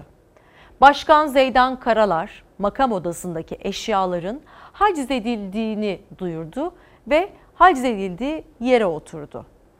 E, belediyenin önünde acı bir görüntü. Haciz edilen eşyaların yüklendiği kamyon belediyenin önüne park edildi. Görenler çok şaşırdılar. Türkiye'de muhalif belediyeler müfettiş ablukasına alınıyor. Sözcü gazetesi böyle bakmış olaya. Yardım hesapları bloke ediliyor. Her türlü engelleme yapılıyor. Son mağduriyet Adana'da yaşandı. E, belediyeden 2016'da ihale kazanan bir firma alacağını tahsil edemediği gerekçesiyle haciz kararı aldırdı. CHP'li Adana Belediye Başkanı Zeydan Karalar'ın makam odasındaki eşyalar dün haciz edilip götürüldü. Karalar bu firmaya son 6 ayda 6,5 milyon lira ödedik. 5,8 milyon lirası kaldı. Onu da ödeyecektik hacize geldi.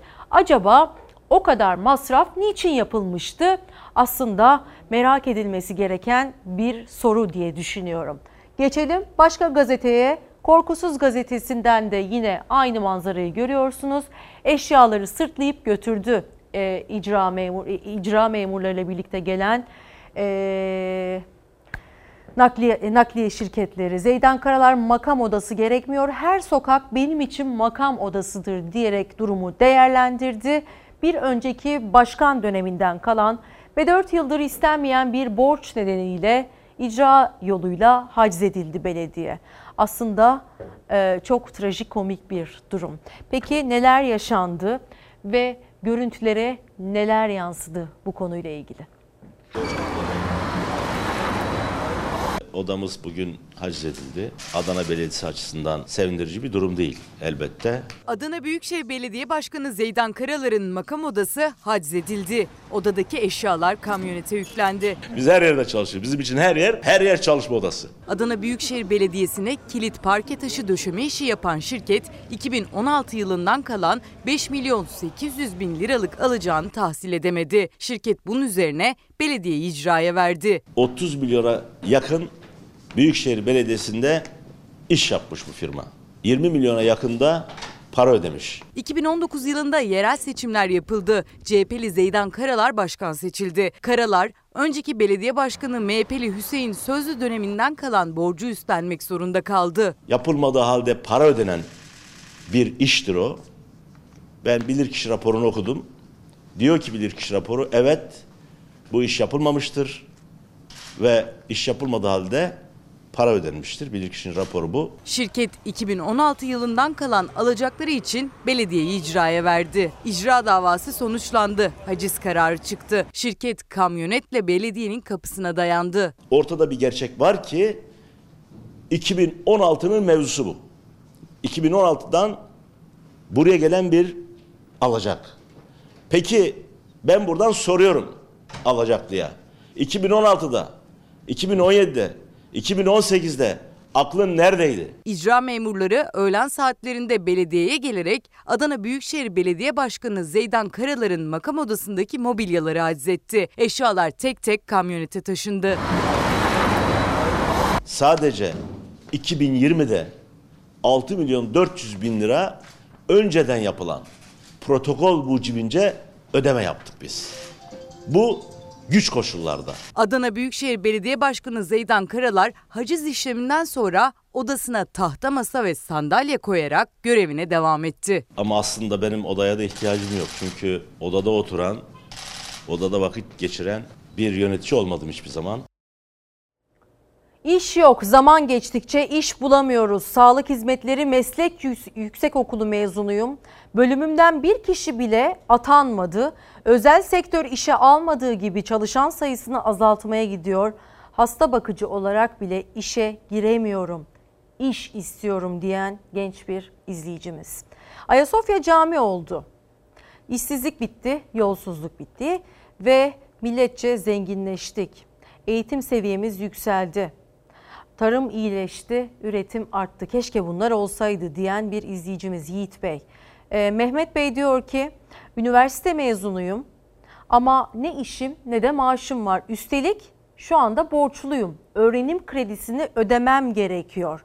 Af olacak denmişti ama şu anda böyle bir durumda söz konusu değil. Ne yapacağımı bilemiyorum diyor. Üniversiteden mezun olan gençlerin e, eğer öğrenim kredisi aldıysa e, borçlu olarak hayata atıldıklarını vurgulamamız gerekiyor. Bunun da ötesinde her doğan bebeğin, her doğan 3 bebekten birinin dünyaya borçlu olarak geldiğini, Türkiye'de gözünü borçlu olarak e, açtığını da söylememiz mümkün resmi istatistiklere göre. Hakan Demiral da diyor ki emekliler çok zor durumda. Gıda fiyatları en az %40 oranında artış gösterdi. Ülkemin şu anki sorunu Ayasofya değil. Zaman geçtikçe daha da geçinmek zorlandı. Zorlaştı gündem ekonomi işsizlik ama kasada para olmayınca sürekli başka şeylerle oyalanıyoruz diyenlerden ve görüş bildirenlerden biri. Tabii ki herkesin görüşüne saygımız sonsuz. Sizlerin sesini burada duyurmaya çalışıyoruz. Merve İldirim TV Twitter ve Instagram'dan yazmaya devam edebilirsiniz mesajlarınızı. Birazdan önemli bir konuğumuz sizlerle birlikte olacak dedik. Özellikle sağlıkta e, konuşacağımız pek çok e, mesele var. E, onu kaçırmayın diyorum efendim. Şimdi Batman'daki Hasankeyf tarihi kentindeki yenilenme çalışmalarına göz atacağız. Hasankeyf yeni yüzüyle misafirlerini ağırlamaya hazırlanırken özellikle sosyal medyadan tarihi dokunun korunmadığı, kentin betona çevrildiği eleştirileri yükseldi. CHP Grup Başkan Vekili Özgür Özel de Hasankeyf'teki dönüşüme tepki gösterdi. Vatandaş sana oy vermiş ülkeyi yönet diye. Ama Hasan Keyfi kaybet diye vermemiş kardeşim. 12 bin yıllık Hasan Keyif böyleydi. Yenileme çalışmalarından sonra bu hale geldi. Yeni yüzüyle misafirlerini ağırlamaya hazırlanan Hasan Keyif'in son görüntüsü tepkilere yol açtı. Sosyal medyada başlayan tartışma muhalefeti de harekete geçirdi. Aldığın Hasan Keyfe bak bıraktığın Hasan Keyfe bak. Binlerce yıllık bir tarihe sahip Hasankeyf, UNESCO Dünya Mirası kriterlerinin onundan 9'una sahip. 6000'e yakın mağaranın bulunduğu kent, insanlık tarihinin ilk yerleşim yerlerinden de biri. Ancak bu dünya mirası eski adıyla Ilısu, yeni adıyla Veysel Eroğlu Barajı nedeniyle sular altında kaldı. Birçok tarihi eser yeni yerine taşındı. Hasankeyf Kaymakamı Haluk Koç kentin modernleşen yüzünün turistlerin ilgi odağı olacağını söyledi. 40-50 milyon liralık yıllık e, bir e, ekonomik büyüklüğe ulaşacağımızı hedefliyoruz. Buradaki çevre düzenlemesi işleriyle de bittiğinde e, eski ile yeninin meczedildiği, birleştirildiği ve kendi hafızasını koruyan bir Hasan keyfi de burada devam ettirilmiş ve medeniyetin içerisinde, tarihi sürecin içerisinde yeni bir aşamayı da birlikte idrak etmiş olacağız. Kentin son hali özellikle sosyal medyada eleştiri konusu oldu. Tarihi dokunun yok edildiği, betonlaştırıldığı öne sürüldü. Çalar Saat'te İlker Karagöz'ün konuğu olan CHP Grup Başkan Vekili Özgür Özel de eleştirilere hak verdi. Yıllardır Hasan Keyf korunacak, taşınacak, eskisinden güzel olacak. Gördük güzelini. AK Parti'nin anlayışı. İnşaata çıkan her yol mübahtır. Akıl almaz bir şey. Her yer beton. Zaman geçtikçe babam yıllar önce e, para kazanma devri bitti demişti. Bu cümleyi daha iyi anlıyorum. Ticaret, işçilik bitik. Üretim olmadan hiçbir şey olmuyor diyor izleyicilerimizden biri. Merve İldirim TV, Twitter ve Instagram'dan yazabilirsiniz. Ee, özellikle bir sonraki blokta e, Doktor Sibel Özgül bizlerle birlikte olacak. Çok önemli bir e, sağlıkçı, kişiselleştirilmiş tıp uzmanı. Ona sorularınız varsa muhakkak ki ulaştırabilirsiniz. Tabii ki gündemle alakalı mesajlarınıza da devam edebilirsiniz. Gelelim barolara. Evrensel Gazetesi'nden bir detay. Savunmaya meclis barikatı bir haftadır halen süren baro, çoklu baro tartışması e, ve karşımıza çıkan tarihi görüntülerden bahsediyoruz. Çok hareketli bir haftaydı e, barolar için ve avukatlar için de. Aslında her ne kadar çokça eleştiriliyor olsa da seslerini halen duyurabilmiş değiller. Abluka, abluka altında nöbet diye e, diyor gazete. AKP ve MHP'nin baroların yapısını değiştirmeyi hedeflediği için eleştirilen ve tepki gösterilen çoklu baro teklifinin Meclis Genel Kurulu'nda görüşülmesiyle birlikte baro başkanları Ankara'da Kuğulu Park'ta savunma nöbeti başlattı. Savunma nöbeti polis ablukası altında sürdü. Baro başkanları ve avukatlar meclise yürümek istediğinde ise polis barikat kurarak yolu kapattı. Siyasi partiler avukatlara dayanışma ziyareti yaptı. Gazetemize kavuşan, e, konuşan avukatlar ve siyasi parti temsilcileri barolara saldırılarının emekçilerin hak arama mücadelesine yönelik olduğunu vurguladılar. Savunma teslim olmayacak diyen bir avukat. Bütün barolar aslında neredeyse e, hepsinin karşı çıktığı çoklu baro düzenlemesi. E, bu konuyla ilgili haberin de size e, ekstra detaylar vereceği e, başlıklar var efendim. Düşünebiliyor musunuz? Baro başkanları adliyenin içerisinde Ankara Barosu'na ayrılan alanda bir kahve içmek, bir çay içmek için bulunmaya geldiklerinde adliyeye sokulmak istenmediler. Çoklu baro tartışması hararetini kaybetmiyor. Baro başkanları başkentte Kuğulu Park'ta savunma nöbetinde. Türkiye'nin dört bir yanından avukatlar da onlara destek için önceki gün başkente geldi. Ama parka girişlerine izin vermedi polis. Zaman zaman avukatlara yönelik sert müdahalede bulundu. İkinci günde gerginlikle başladı.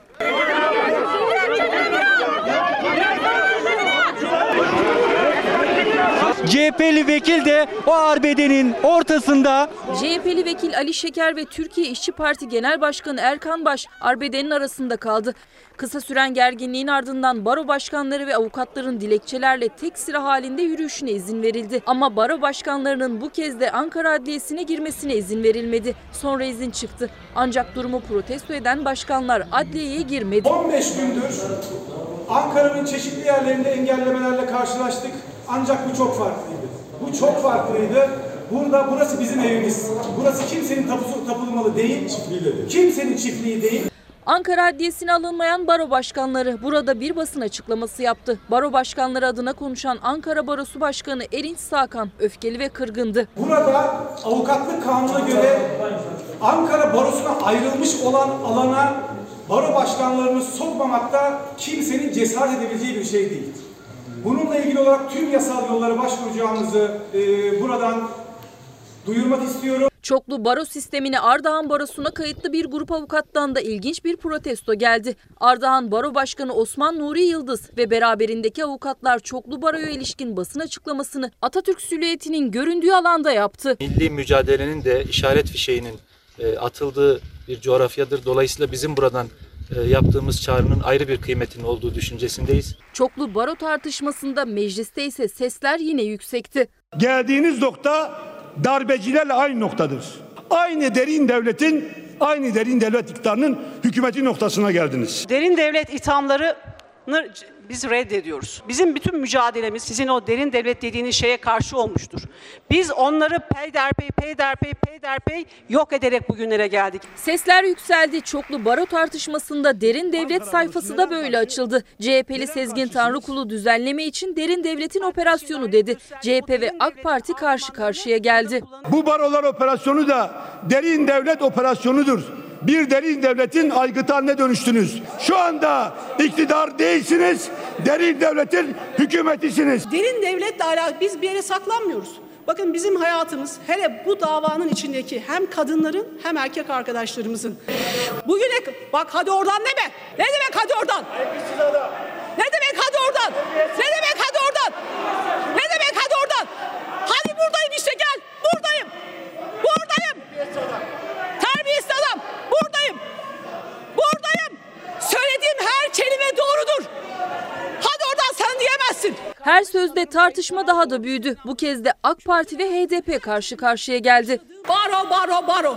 Ya baro demek benim için ne biliyor musunuz? Çile çile çile. Baroda staj yapmak için 6 yıl uğraştım. O yüzden bana barolar, hak, hukuk dediğiniz zaman ben çilemi hatırlıyorum. Geçmişte yaşadığınız ya da yaşamadığınız. Hadi biz yaşadığınızı varsayalım. Kanunlar intikam amacıyla yapılamaz. Baroları bölmemizin, parçalamamızın, yönetmek istememizin sebebi geçmişte bize yaptıklarıdır diyorlar. Bak hala çektiniz mi, çekmediniz mi bilmiyorum. Diyelim ki çektiniz. Ben yarası olan bir insanım ama hayatımı yaralarla yönetmiyorum. Eğer yönetseydim, sizin bize yaptıklarınızla muamele etseydik bambaşka bir hal olurdu. Bambaşka. CHP lideri Kılıçdaroğlu'nun da gündemi barolar. AK Parti Grup Başkan Vekili Bülent Turhan'ın sözlerini hatırlattı. MHP lideri Bahçeli'ye seslendi. PKK, FETÖ, benzer kurumlar, kuruluşlar, örgütler tutar baro kurarmış. Kurşunlar. Eğer bu kanunlar çerçevesinde suç işleyen kim varsa zaten bunun bedelini ödeyecek. Bahçeli ne diyecek bunu merak ediyorum. Bahçeli herhalde şöyle bir açıklama yapacak. Turan'ın yaptığı açıklama doğrudur. Biz de altına imzamızı atıyoruz. Bu açıklama yapacak mı yapmayacak mı? Biz bunun bir bölücülük projesi olduğunu söylüyoruz. O da tam tersini söylüyor Bahçeli. Kılıçdaroğlu düzenleme için tahrip yasası dedi. Noktayı koydu. Bu devleti tahrip yasasıdır. Erdoğan şu anda Devlet Bahçeli ile beraber egemen güçlerin Türkiye'deki taşeronluğunu yapıyorlar. Bölmeyi ve parçalamayı her alanda yapıyorlar. Dün yani 10 Temmuz 10 Temmuz 2020 günü Dünya Hukuk Günü'ydü. Avukat Ece Güner Toprak bir e, tweet paylaştı. Dünya Hukuk Günü'nde baro başkanlarımız bu fotoğraflar hukuka, hukukçuya gösterilen saygıyı özetliyor. Çok üzücü diye işte bu fotoğraf karesini paylaştı baro başkanları. Bu arada resmi gazetede yayınlandığı gün Anayasa Mahkemesi'ne gidecek muhalefet. Şimdi reklamlara gidiyoruz efendim. Reklam dönüşü Sibel Özgül burada olacak ve sağlık konusunda çok konuşacağımız konu var. Danıştay'ın dün Ayasofya kararı en çok konuşulan gündem konuları arasında. Dün Cumhurbaşkanı Erdoğan 20.53'te ulusa seslendi ve ilk ibadetin 24 Temmuz 2020 Cuma günü olacağını açıkladı. Ayasofya 86 yıl aradan sonra yeniden Fatih Sultan Mehmet Han'ın vakfiyesinde belirttiği şekilde cami olarak hizmet vermeye başlayabilecektir. Bu kararın milletimize ümmete ve tüm insanlığa hayırlı olmasını diliyorum. Saat tam 20.53'te çıktı kameraların karşısına Cumhurbaşkanı Recep Tayyip Erdoğan millete sesleniş konuşması yaptı. Ayasofya'da kılınacak ilk namazın tarihini de açıkladı. 24 Temmuz Cuma. Hazırlıkları süratle tamamlayarak 24 Temmuz 2020 Cuma günü Cuma namazı ile birlikte Ayasofya'yı ibadete açmayı planlıyoruz. Uzun süredir gündemdeydi Ayasofya'nın ibadete açılması. 2 Temmuz'da Danıştay Savcısı 1934 yılında Ayasofya'ya müze statüsü veren Bakanlar Kurulu kararıyla yapılan işlemin hukuka uygun olduğunu ve açılan davanın reddini istemişti. Danıştay 10. Dairesi kararı bozdu ve böylece Ayasofya'nın ibadete açılması yolundaki ilk adımı da atmış oldu. Danıştay'ın kararının ardından gözler Erdoğan'dan gelecek açıklamaya çevrildi. Erdoğan millete sesleniş konuşması için İstanbul'un fethinin 600. yılına gelecek 20.53 saatini seçti. Bazı eserler vardır ki bunlar milletlerin ve devletlerin sembolüdür. Ayasofya'da işte bu sembollerimizden biridir. Arkasında Türk bayrağı ve Fatih'in vakfiyesi vardı. Sık sık Fatih Sultan Mehmet'in vakfiyesine de atıfta bulundu. Bizim için asıldır dedi. Türkiye olarak nasıl diğer ülkelerdeki ibadet mekanlarıyla ilgili tasarruflara karışmıyorsak biz de tarihi ve hukuki haklarımıza sahip çıkma konusunda aynı anlayışı bekliyoruz. Üstelik bu öyle 50-100 yıllık değil, tam 567 yıllık bir haktır. Şayet bugün inanç odaklı bir tartışma yapılacaksa, bunun konusu Ayasofya değil, dünyanın dört bir yanında her geçen gün tırmanan İslam düşmanlığı ve yabancı nefreti olmalıdır. Ayasofya'da ilk namaz 24 Temmuz Cuma günü kılınacak. Cumhurbaşkanı Erdoğan o güne kadar vatandaşları sabırlı olmaya davet etti. 24 Temmuz'a kadar ben tüm milletimden camideki çalışmalarımızın süratle yürüyebilmesi, bir an önce bu hazırlıkların bitmesi için buralarda ziyaret veya gelip burayı görme gibi bir telaşın içerisine girmenin doğru olmayacağını aziz milletime hatırlatmak istiyorum. Zira aldığım bazı haberler çerçevesinde içeride ve dışarıda gelip oralarda görüntü vermek veya gösteri yapmak bunlar doğru değil. İnşallah 24'ünde hep birlikte burada cuma namazımızı kılar ve böylece Ayasofya'yı da o gün her şeyiyle bitmiş olarak ibadete açarız. Sürecin başından itibaren itiraz sesleri yükselten ülkelere de mesaj verdi Erdoğan. Bu konudaki saygısızlığı bağımsızlığımızın ihlali olarak görürüz dedi. Uluslararası alanda bu konuda ortaya konan her türlü görüşü elbette anlayışla karşılarız. Ancak Ayasofya'nın hangi amaçla kullanılacağı konusu Türkiye'nin egemenlik haklarıyla ilgilidir. Yeni bir düzenlemeyle Ayasofya'nın ibadete açılıyor olması ülkemizin egemenlik hakkı kullanımından ibarettir. Türkiye Cumhuriyeti'nin bayrağı neyse, başkenti neyse, ezanı neyse, dili neyse, sınırları neyse, 81 vilayeti neyse Ayasofya'nın vakfiyesine uygun şekilde camiye dönüştürülmesi hakkı da odur. Bu konuda görüş belirtmenin ötesindeki her türlü tavrı ve ifadeyi bağımsızlığımızın ihlali olarak kabul ederiz. Kararı destekleyenlere de teşekkür etti Cumhurbaşkanı Recep Tayyip Erdoğan. Türkiye'nin kararı sadece kendi iç hukuku ve tarihi haklarıyla ilgilidir. Bu kararın arkasında duran tüm siyasi partilere ve liderlerine, sivil toplum kuruluşlarına, milletimizin her bir ferdine şükranlarımı sunuyorum. Ayasofya'da Kültür ve Turizm Bakanlığı idari ve teknik, Diyanet İşleri Başkanlığı da dini hazırlıkları yapmaya başlayacak. Cumhurbaşkanı Erdoğan 6 aylık bir süreçte tamamlanacak hazırlık sürecinin ayrıntılarını vermedi. Ayasofya girişi artık ücretli olmayacak. Hayırlı uğurlu olsun diyerek e, konuğumu sizlerle buluşturmak istiyorum. Doktor Sibel Özgül. Aslında onun alanı e, sizin alanınız hocam çok önemli bir alan. Kişiselleştirilmiş ve önleyici tıp. Evet. Bizim aslında çok fazla bildiğimiz bir konu değil. Evet. E, ama özellikle Covid-19 döneminde en çok merak edilen ve en çok takip etmemiz, üzerinde durmamız gereken bir alan. Öncelikle ben sizin koruyucu ve kişiselleştirilmiş önleyici tıp konusunda ne söyleyeceğinizi çok merak ediyorum. Evet bu dönem farkındalığımızın geliştiği bir dönem.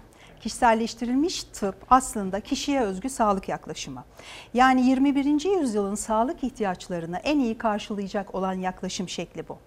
Ee, çünkü genomik bilgilerimiz ışığında yani bir tıbbı bir bütünsel çer- çerçevede düşünün.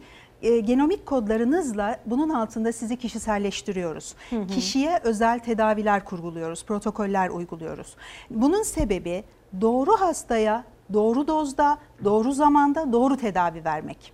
Evet. Çünkü e, amacımız öngörmek ve buna bağlı olarak önlemek. E, çünkü artık e, şey değişti. Yani hastalık merkezli yaklaşım sağlık sektöründe Hı hı. hasta merkezli yaklaşıma dönmeye başladı. E, bize tıp fakültelerine girdiğimizde ilk şu öğretildi. E, hastalık yoktur, hasta vardır. Hocalarımız ilk çapada bana bunu söylemişti hatırlıyorum. Bu aslında kişiselleştirilmiş tıbba işaret ediyor. Bütün hepimizin kromozomlarında, DNA'larında 3 trilyon nükleotit var. Ve bunlar e, bir bilgisayar gibi düşündüğünüzde, bir e, data olarak düşündüğünüzde 100 GB'a denk geliyor. Ve bunlar sizin fonksiyonlarınızı belirliyor. Biz bunlara göre sizin gluten intoleransınız var mı, laktoz intoleransınız var mı, karbonhidrat metabolizmanız nasıl, vücudunuza alacağınız o hani Covid döneminde de çok gündeme geldi ya vitaminler, mineraller. Soracağım ayrı ayrı. Evet. Onların hangilerini nasıl alacaksınız, hangi formda alacaksınız, nasıl emilecek? Bunların hepsi bizim gen haritalarımızda belirlenmiş durumda. Kişiselleştirilmiş tıp da bunun ışığında size uygun tedavilerin programlanması, böylece varsa bir potansiyeliniz Hı hı. onu da yönetmek, varsa bir hastalığınız Hı hı. onun da tedavisini ve takibini sağlamak. Yani genetik faktörleri aslında baz alıyorsunuz Evet. ve çok önemli bir şey söylediniz. Hastalık yoktur, hasta vardır. Evet. Kişiye özel bir sistem bu. Evet. Ve e, genetik özelliklerimizin rolü anladığım kadarıyla sizin bahsetmiş olduğunuz konuda çok önemli. Evet. Hani nerelisin diye sorarız ya biz sevgili izleyicilerimiz birbirimize ya da ailemizde e, bazı e, hastalıklar vardır. Onlar miras kalır bize. Bu noktada siz araştırma mı yapıyorsunuz öncelikle önlem amaçlı? Evet, şöyle e, bizim e, dediğim gibi biraz önce de söylediğim gibi bu 100 GB'lık data veri bu bizim zaten doğarken getirdiğimiz bir bilgi. Biz sadece bunu testlerle belirliyoruz.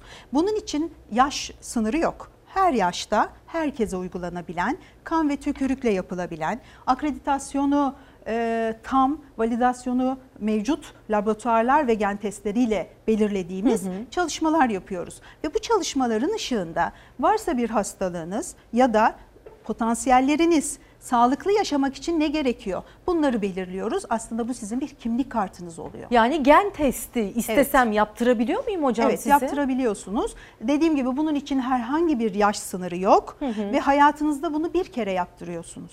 Gen testi peki ne ortaya çıkartıyor? Sizin metabolik yolaklarınızla ilgili, bütün fonksiyonlarınızla ilgili verileri veriyor bize. Hmm. Yani bir B vitaminini aktifleyebiliyor musunuz, aktifleyemiyor musunuz? Ona göre aktif formunu kullanıyorsunuz. Hangi dozda kullanmanız gerekiyor? Vitamine kadar.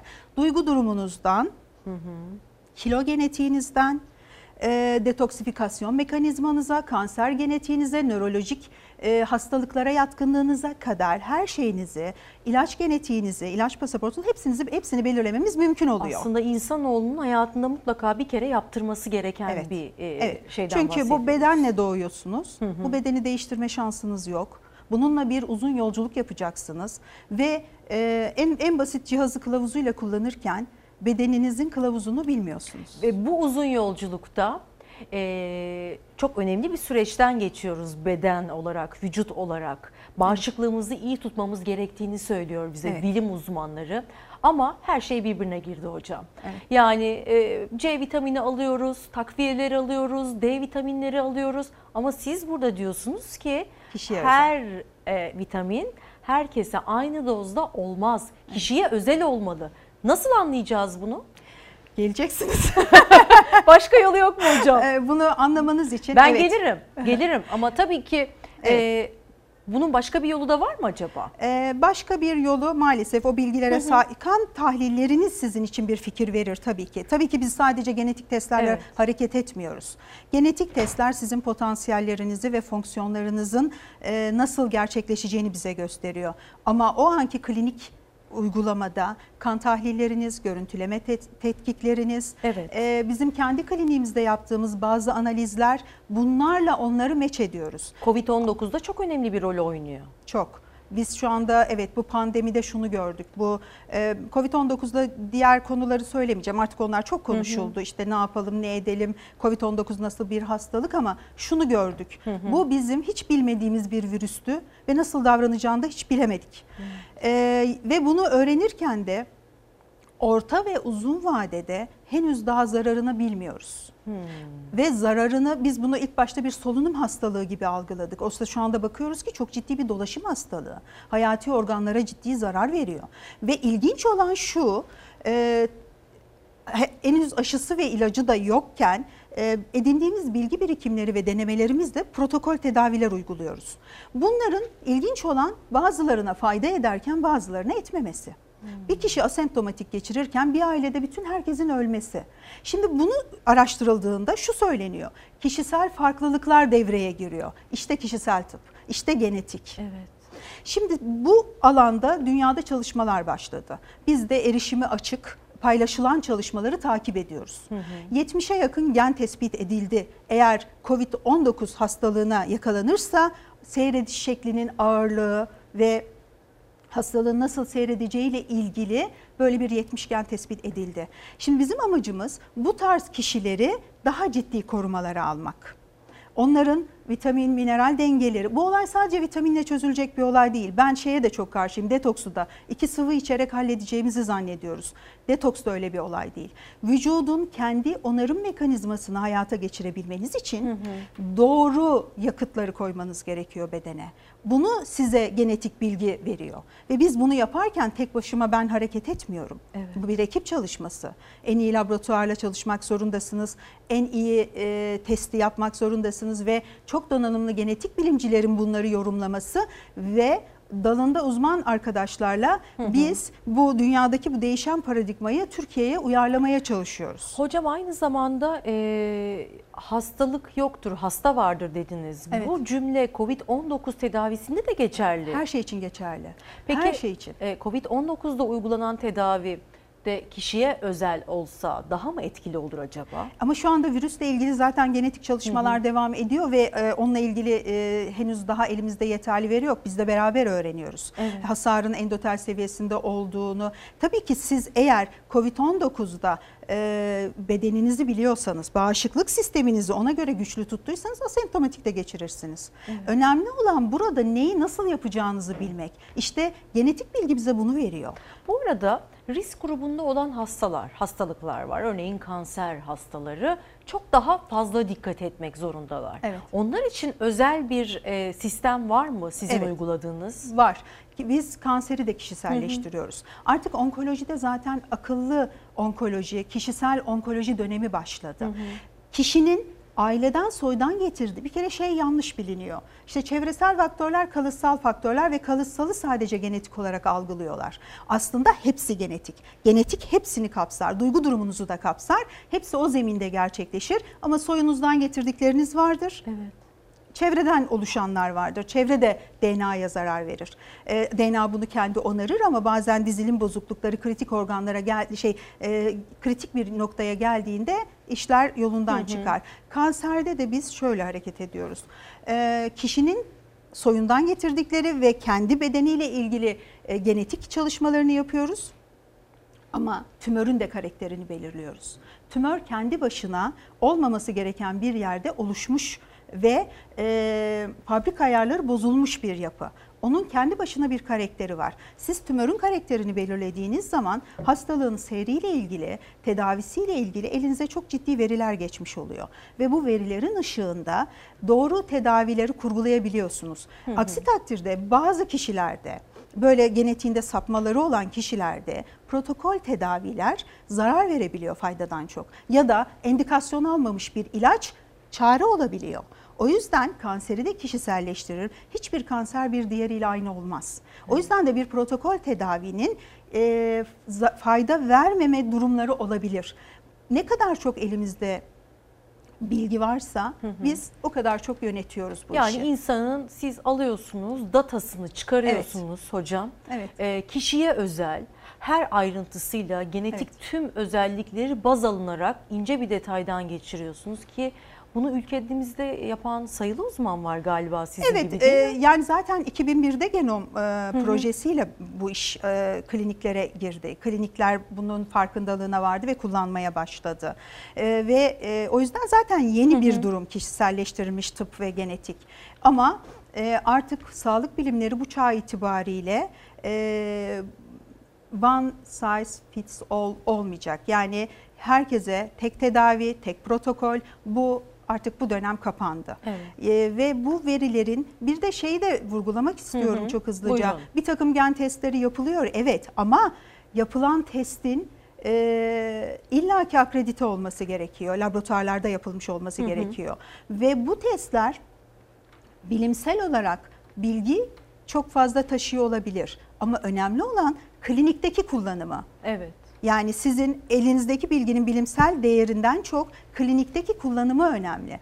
E, hastanın hayatı hayatıyla ilgili size yol aldırıyor mu? Tedavi ettiriyor mu? Yaşamını düzenleyebiliyor musunuz? İşte klinik anlamda yapılan testler e, hı hı. yani aslında testleri de kişiselleştirmek gerekiyor. Evet. Genetik tanıyı da kişiselleştirmek gerekiyor ve dediğim gibi bunu da bir ekip çalışmasıyla yapmak gerekiyor. Çünkü her hiçbirimiz her şeyin uzmanı olamayız. Hı hı. Ama ciddi bir ekip çalışmasıyla e, dediğim gibi insanlara koruyucu hekimlik ve tedavi verebiliyoruz. Ee, Mehmet Mızraklı bir soru sormuş izleyicilerimizden biri. Bu testlerin kişi başı maliyeti nedir? Ve İzmir'de e, yapılan bir hastane var mıdır diyor. Evet şöyle söyleyeyim ee, İzmir'de bu konuyla ilgilenen kişileri açıkçası bilmiyorum. Bu konuda yardımcı olamam ama bu testler biraz önce de söylediğim gibi evet. kişiye göre belirleniyor. Kişiye göre belirlendiği için de hangi test olduğunu önce belirlemek gerekiyor. Hı hı. Fiyat bunun üstünden konuşmak gerekiyor. Ee, kişiselleştirilmiş tıptaki genetik çalışmalarımızın tabii ki gen testlerinin bir maliyetleri var.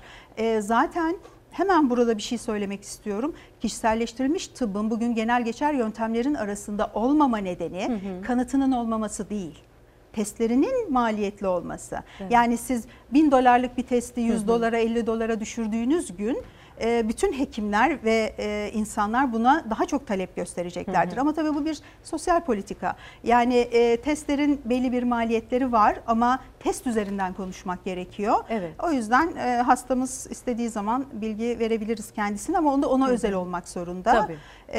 diğer türlü çünkü sosyal güvenlik sistemleri bu maliyetlerin altında şey hı hı. üst yani onun altında eziliyor.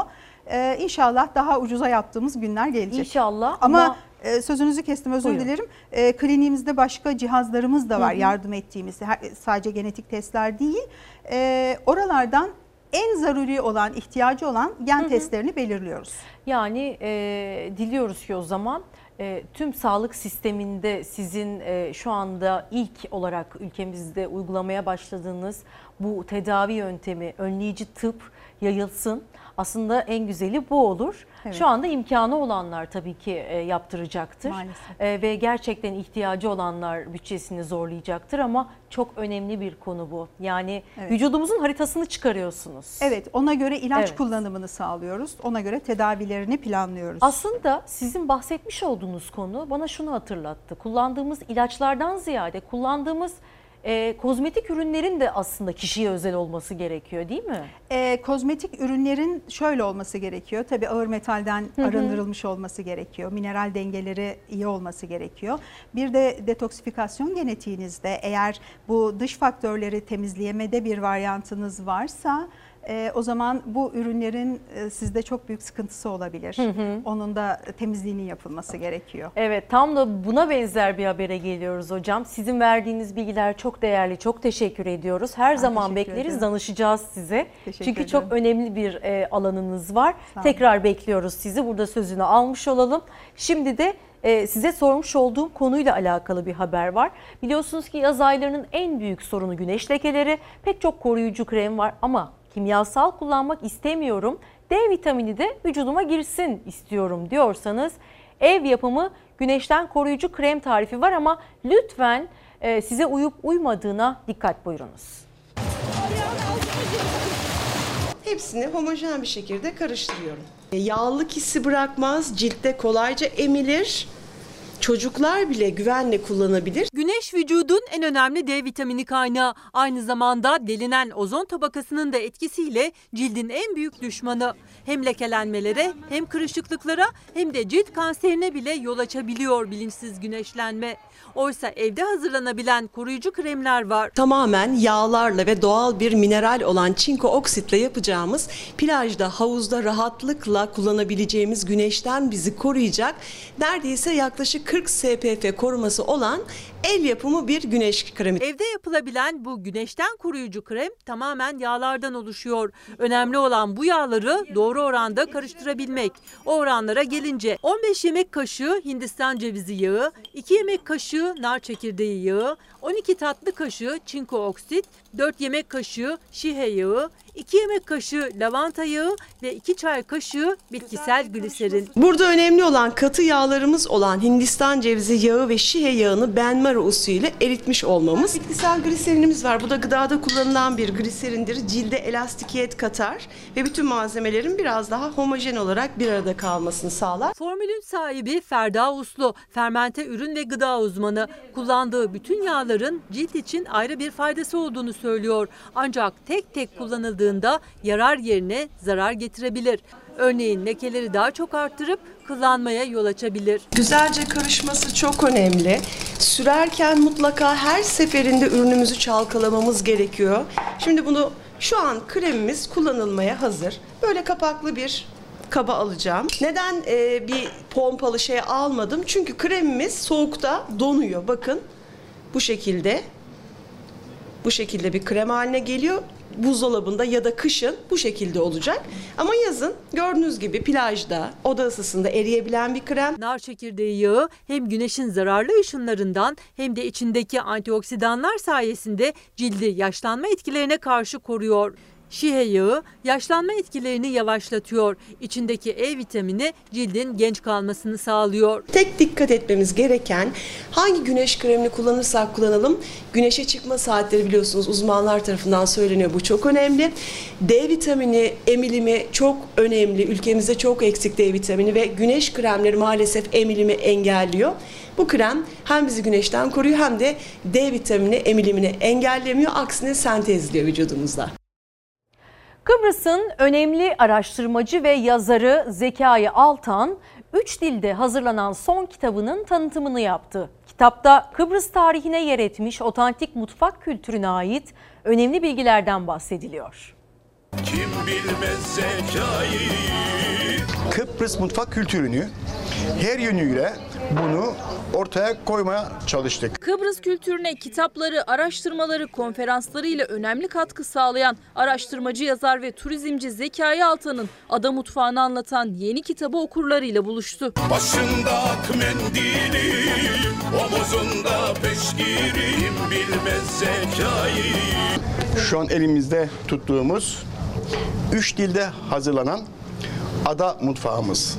Kısa bir süre önce İstanbul'da yayınlanan Gizemli Kıbrıs eserinin ardından yeni kitabı Ada Mutfağımız Tarihsel Süreç içerisinde Otantik Kıbrıs Mutfağı adlı kitabının heyecanlı yaşıyor. Araştırmacı yazar Altan kitap Türkçe, Rumca ve İngilizce dillerinde. Tanıtımı başkent Lefkoşa'daki Valide Hanım Konak'ta yapıldı. Bu esasında bir onur şarkısıdır.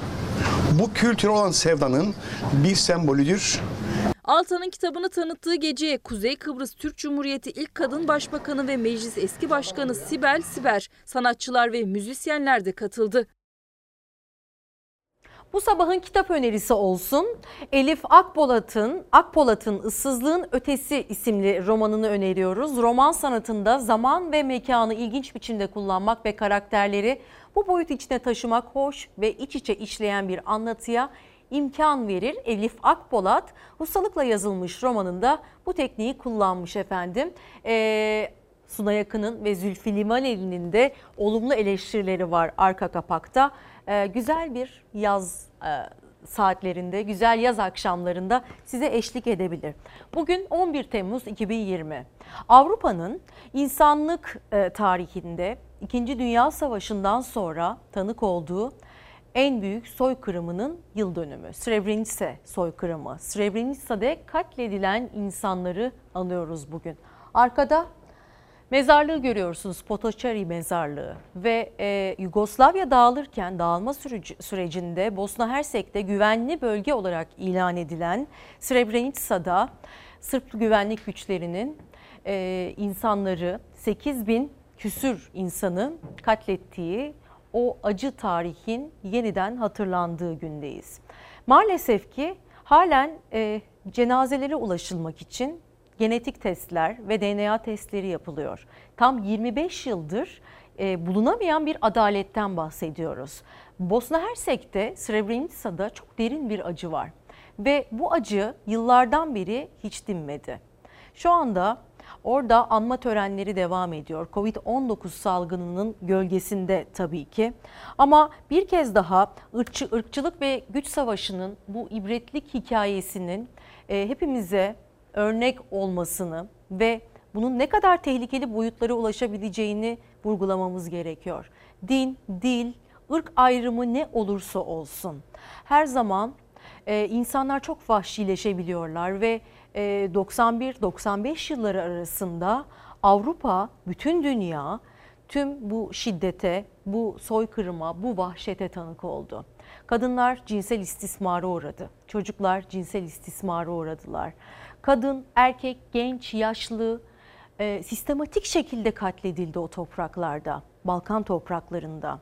Yugoslavya'nın dağılma sürecinde çok acı ve çok vahşi e, durumlara tanık oldu dünya. Diliyoruz ki bir kez daha tekrarlanmasın ve adalet yerini bulsun. Buna sebep olan tüm ırkçı örgütler ve elebaşları cezalandırılsın. Yıllardır Lahey'de e, yargılanan savaş suçluları halen aslında yakınlarını kaybeden ve savaştan yara almış olan insanların yüreğine su serpmedi. Çünkü aslında o acıları hafifletecek kadar iyi bir karar verilmedi. Buradan katledilen tüm boşnakları bir kez daha anarak sizleri Srebrenica ile ilgili hazırlamış olduğumuz haberle buluşturmak istiyoruz. Dilerim ki insanlık tarihi bir daha böyle korkunç vahşi bir tabloya tanık olmaz. Tüm savaşlar diner ve hiçbir ülke, hiçbir toprak ırkçılığa ve şiddete maruz kalmaz. Soykırıma maruz kalmaz. Gerçekten çok acı ve çok acı bir yıl dönümü bugün. 11 Temmuz 1995'te katledilen o insanları anarak sizleri Srebrenica ile buluşturuyoruz. Güzel kızım, ben senin yaşındayken ülkemiz Bosna Hersek'te savaş vardı. Ülkemizi savunmak için elimizdeki az sayıda silahla Srebrenica'ya saldıran Sırplara karşı koymaya çalışıyorduk. Sonra mavi şapkalı askerler geldi. Bizi koruyacaklarını söylediler. İhtiyacımız olmayacağını söyleyerek silahlarımızı topladılar. Savaştan kaçan binlerce insan şehrimize sığınıyordu. Yemek ve su çok azdı. Ben tam senin yaşındayken Sırp askerleri Srebrenica'ya yuvamıza saldırdı ve mavi şapkalı askerler korumak yerine bizi Sırplara teslim ettiler. Herkes çok korkmuştu.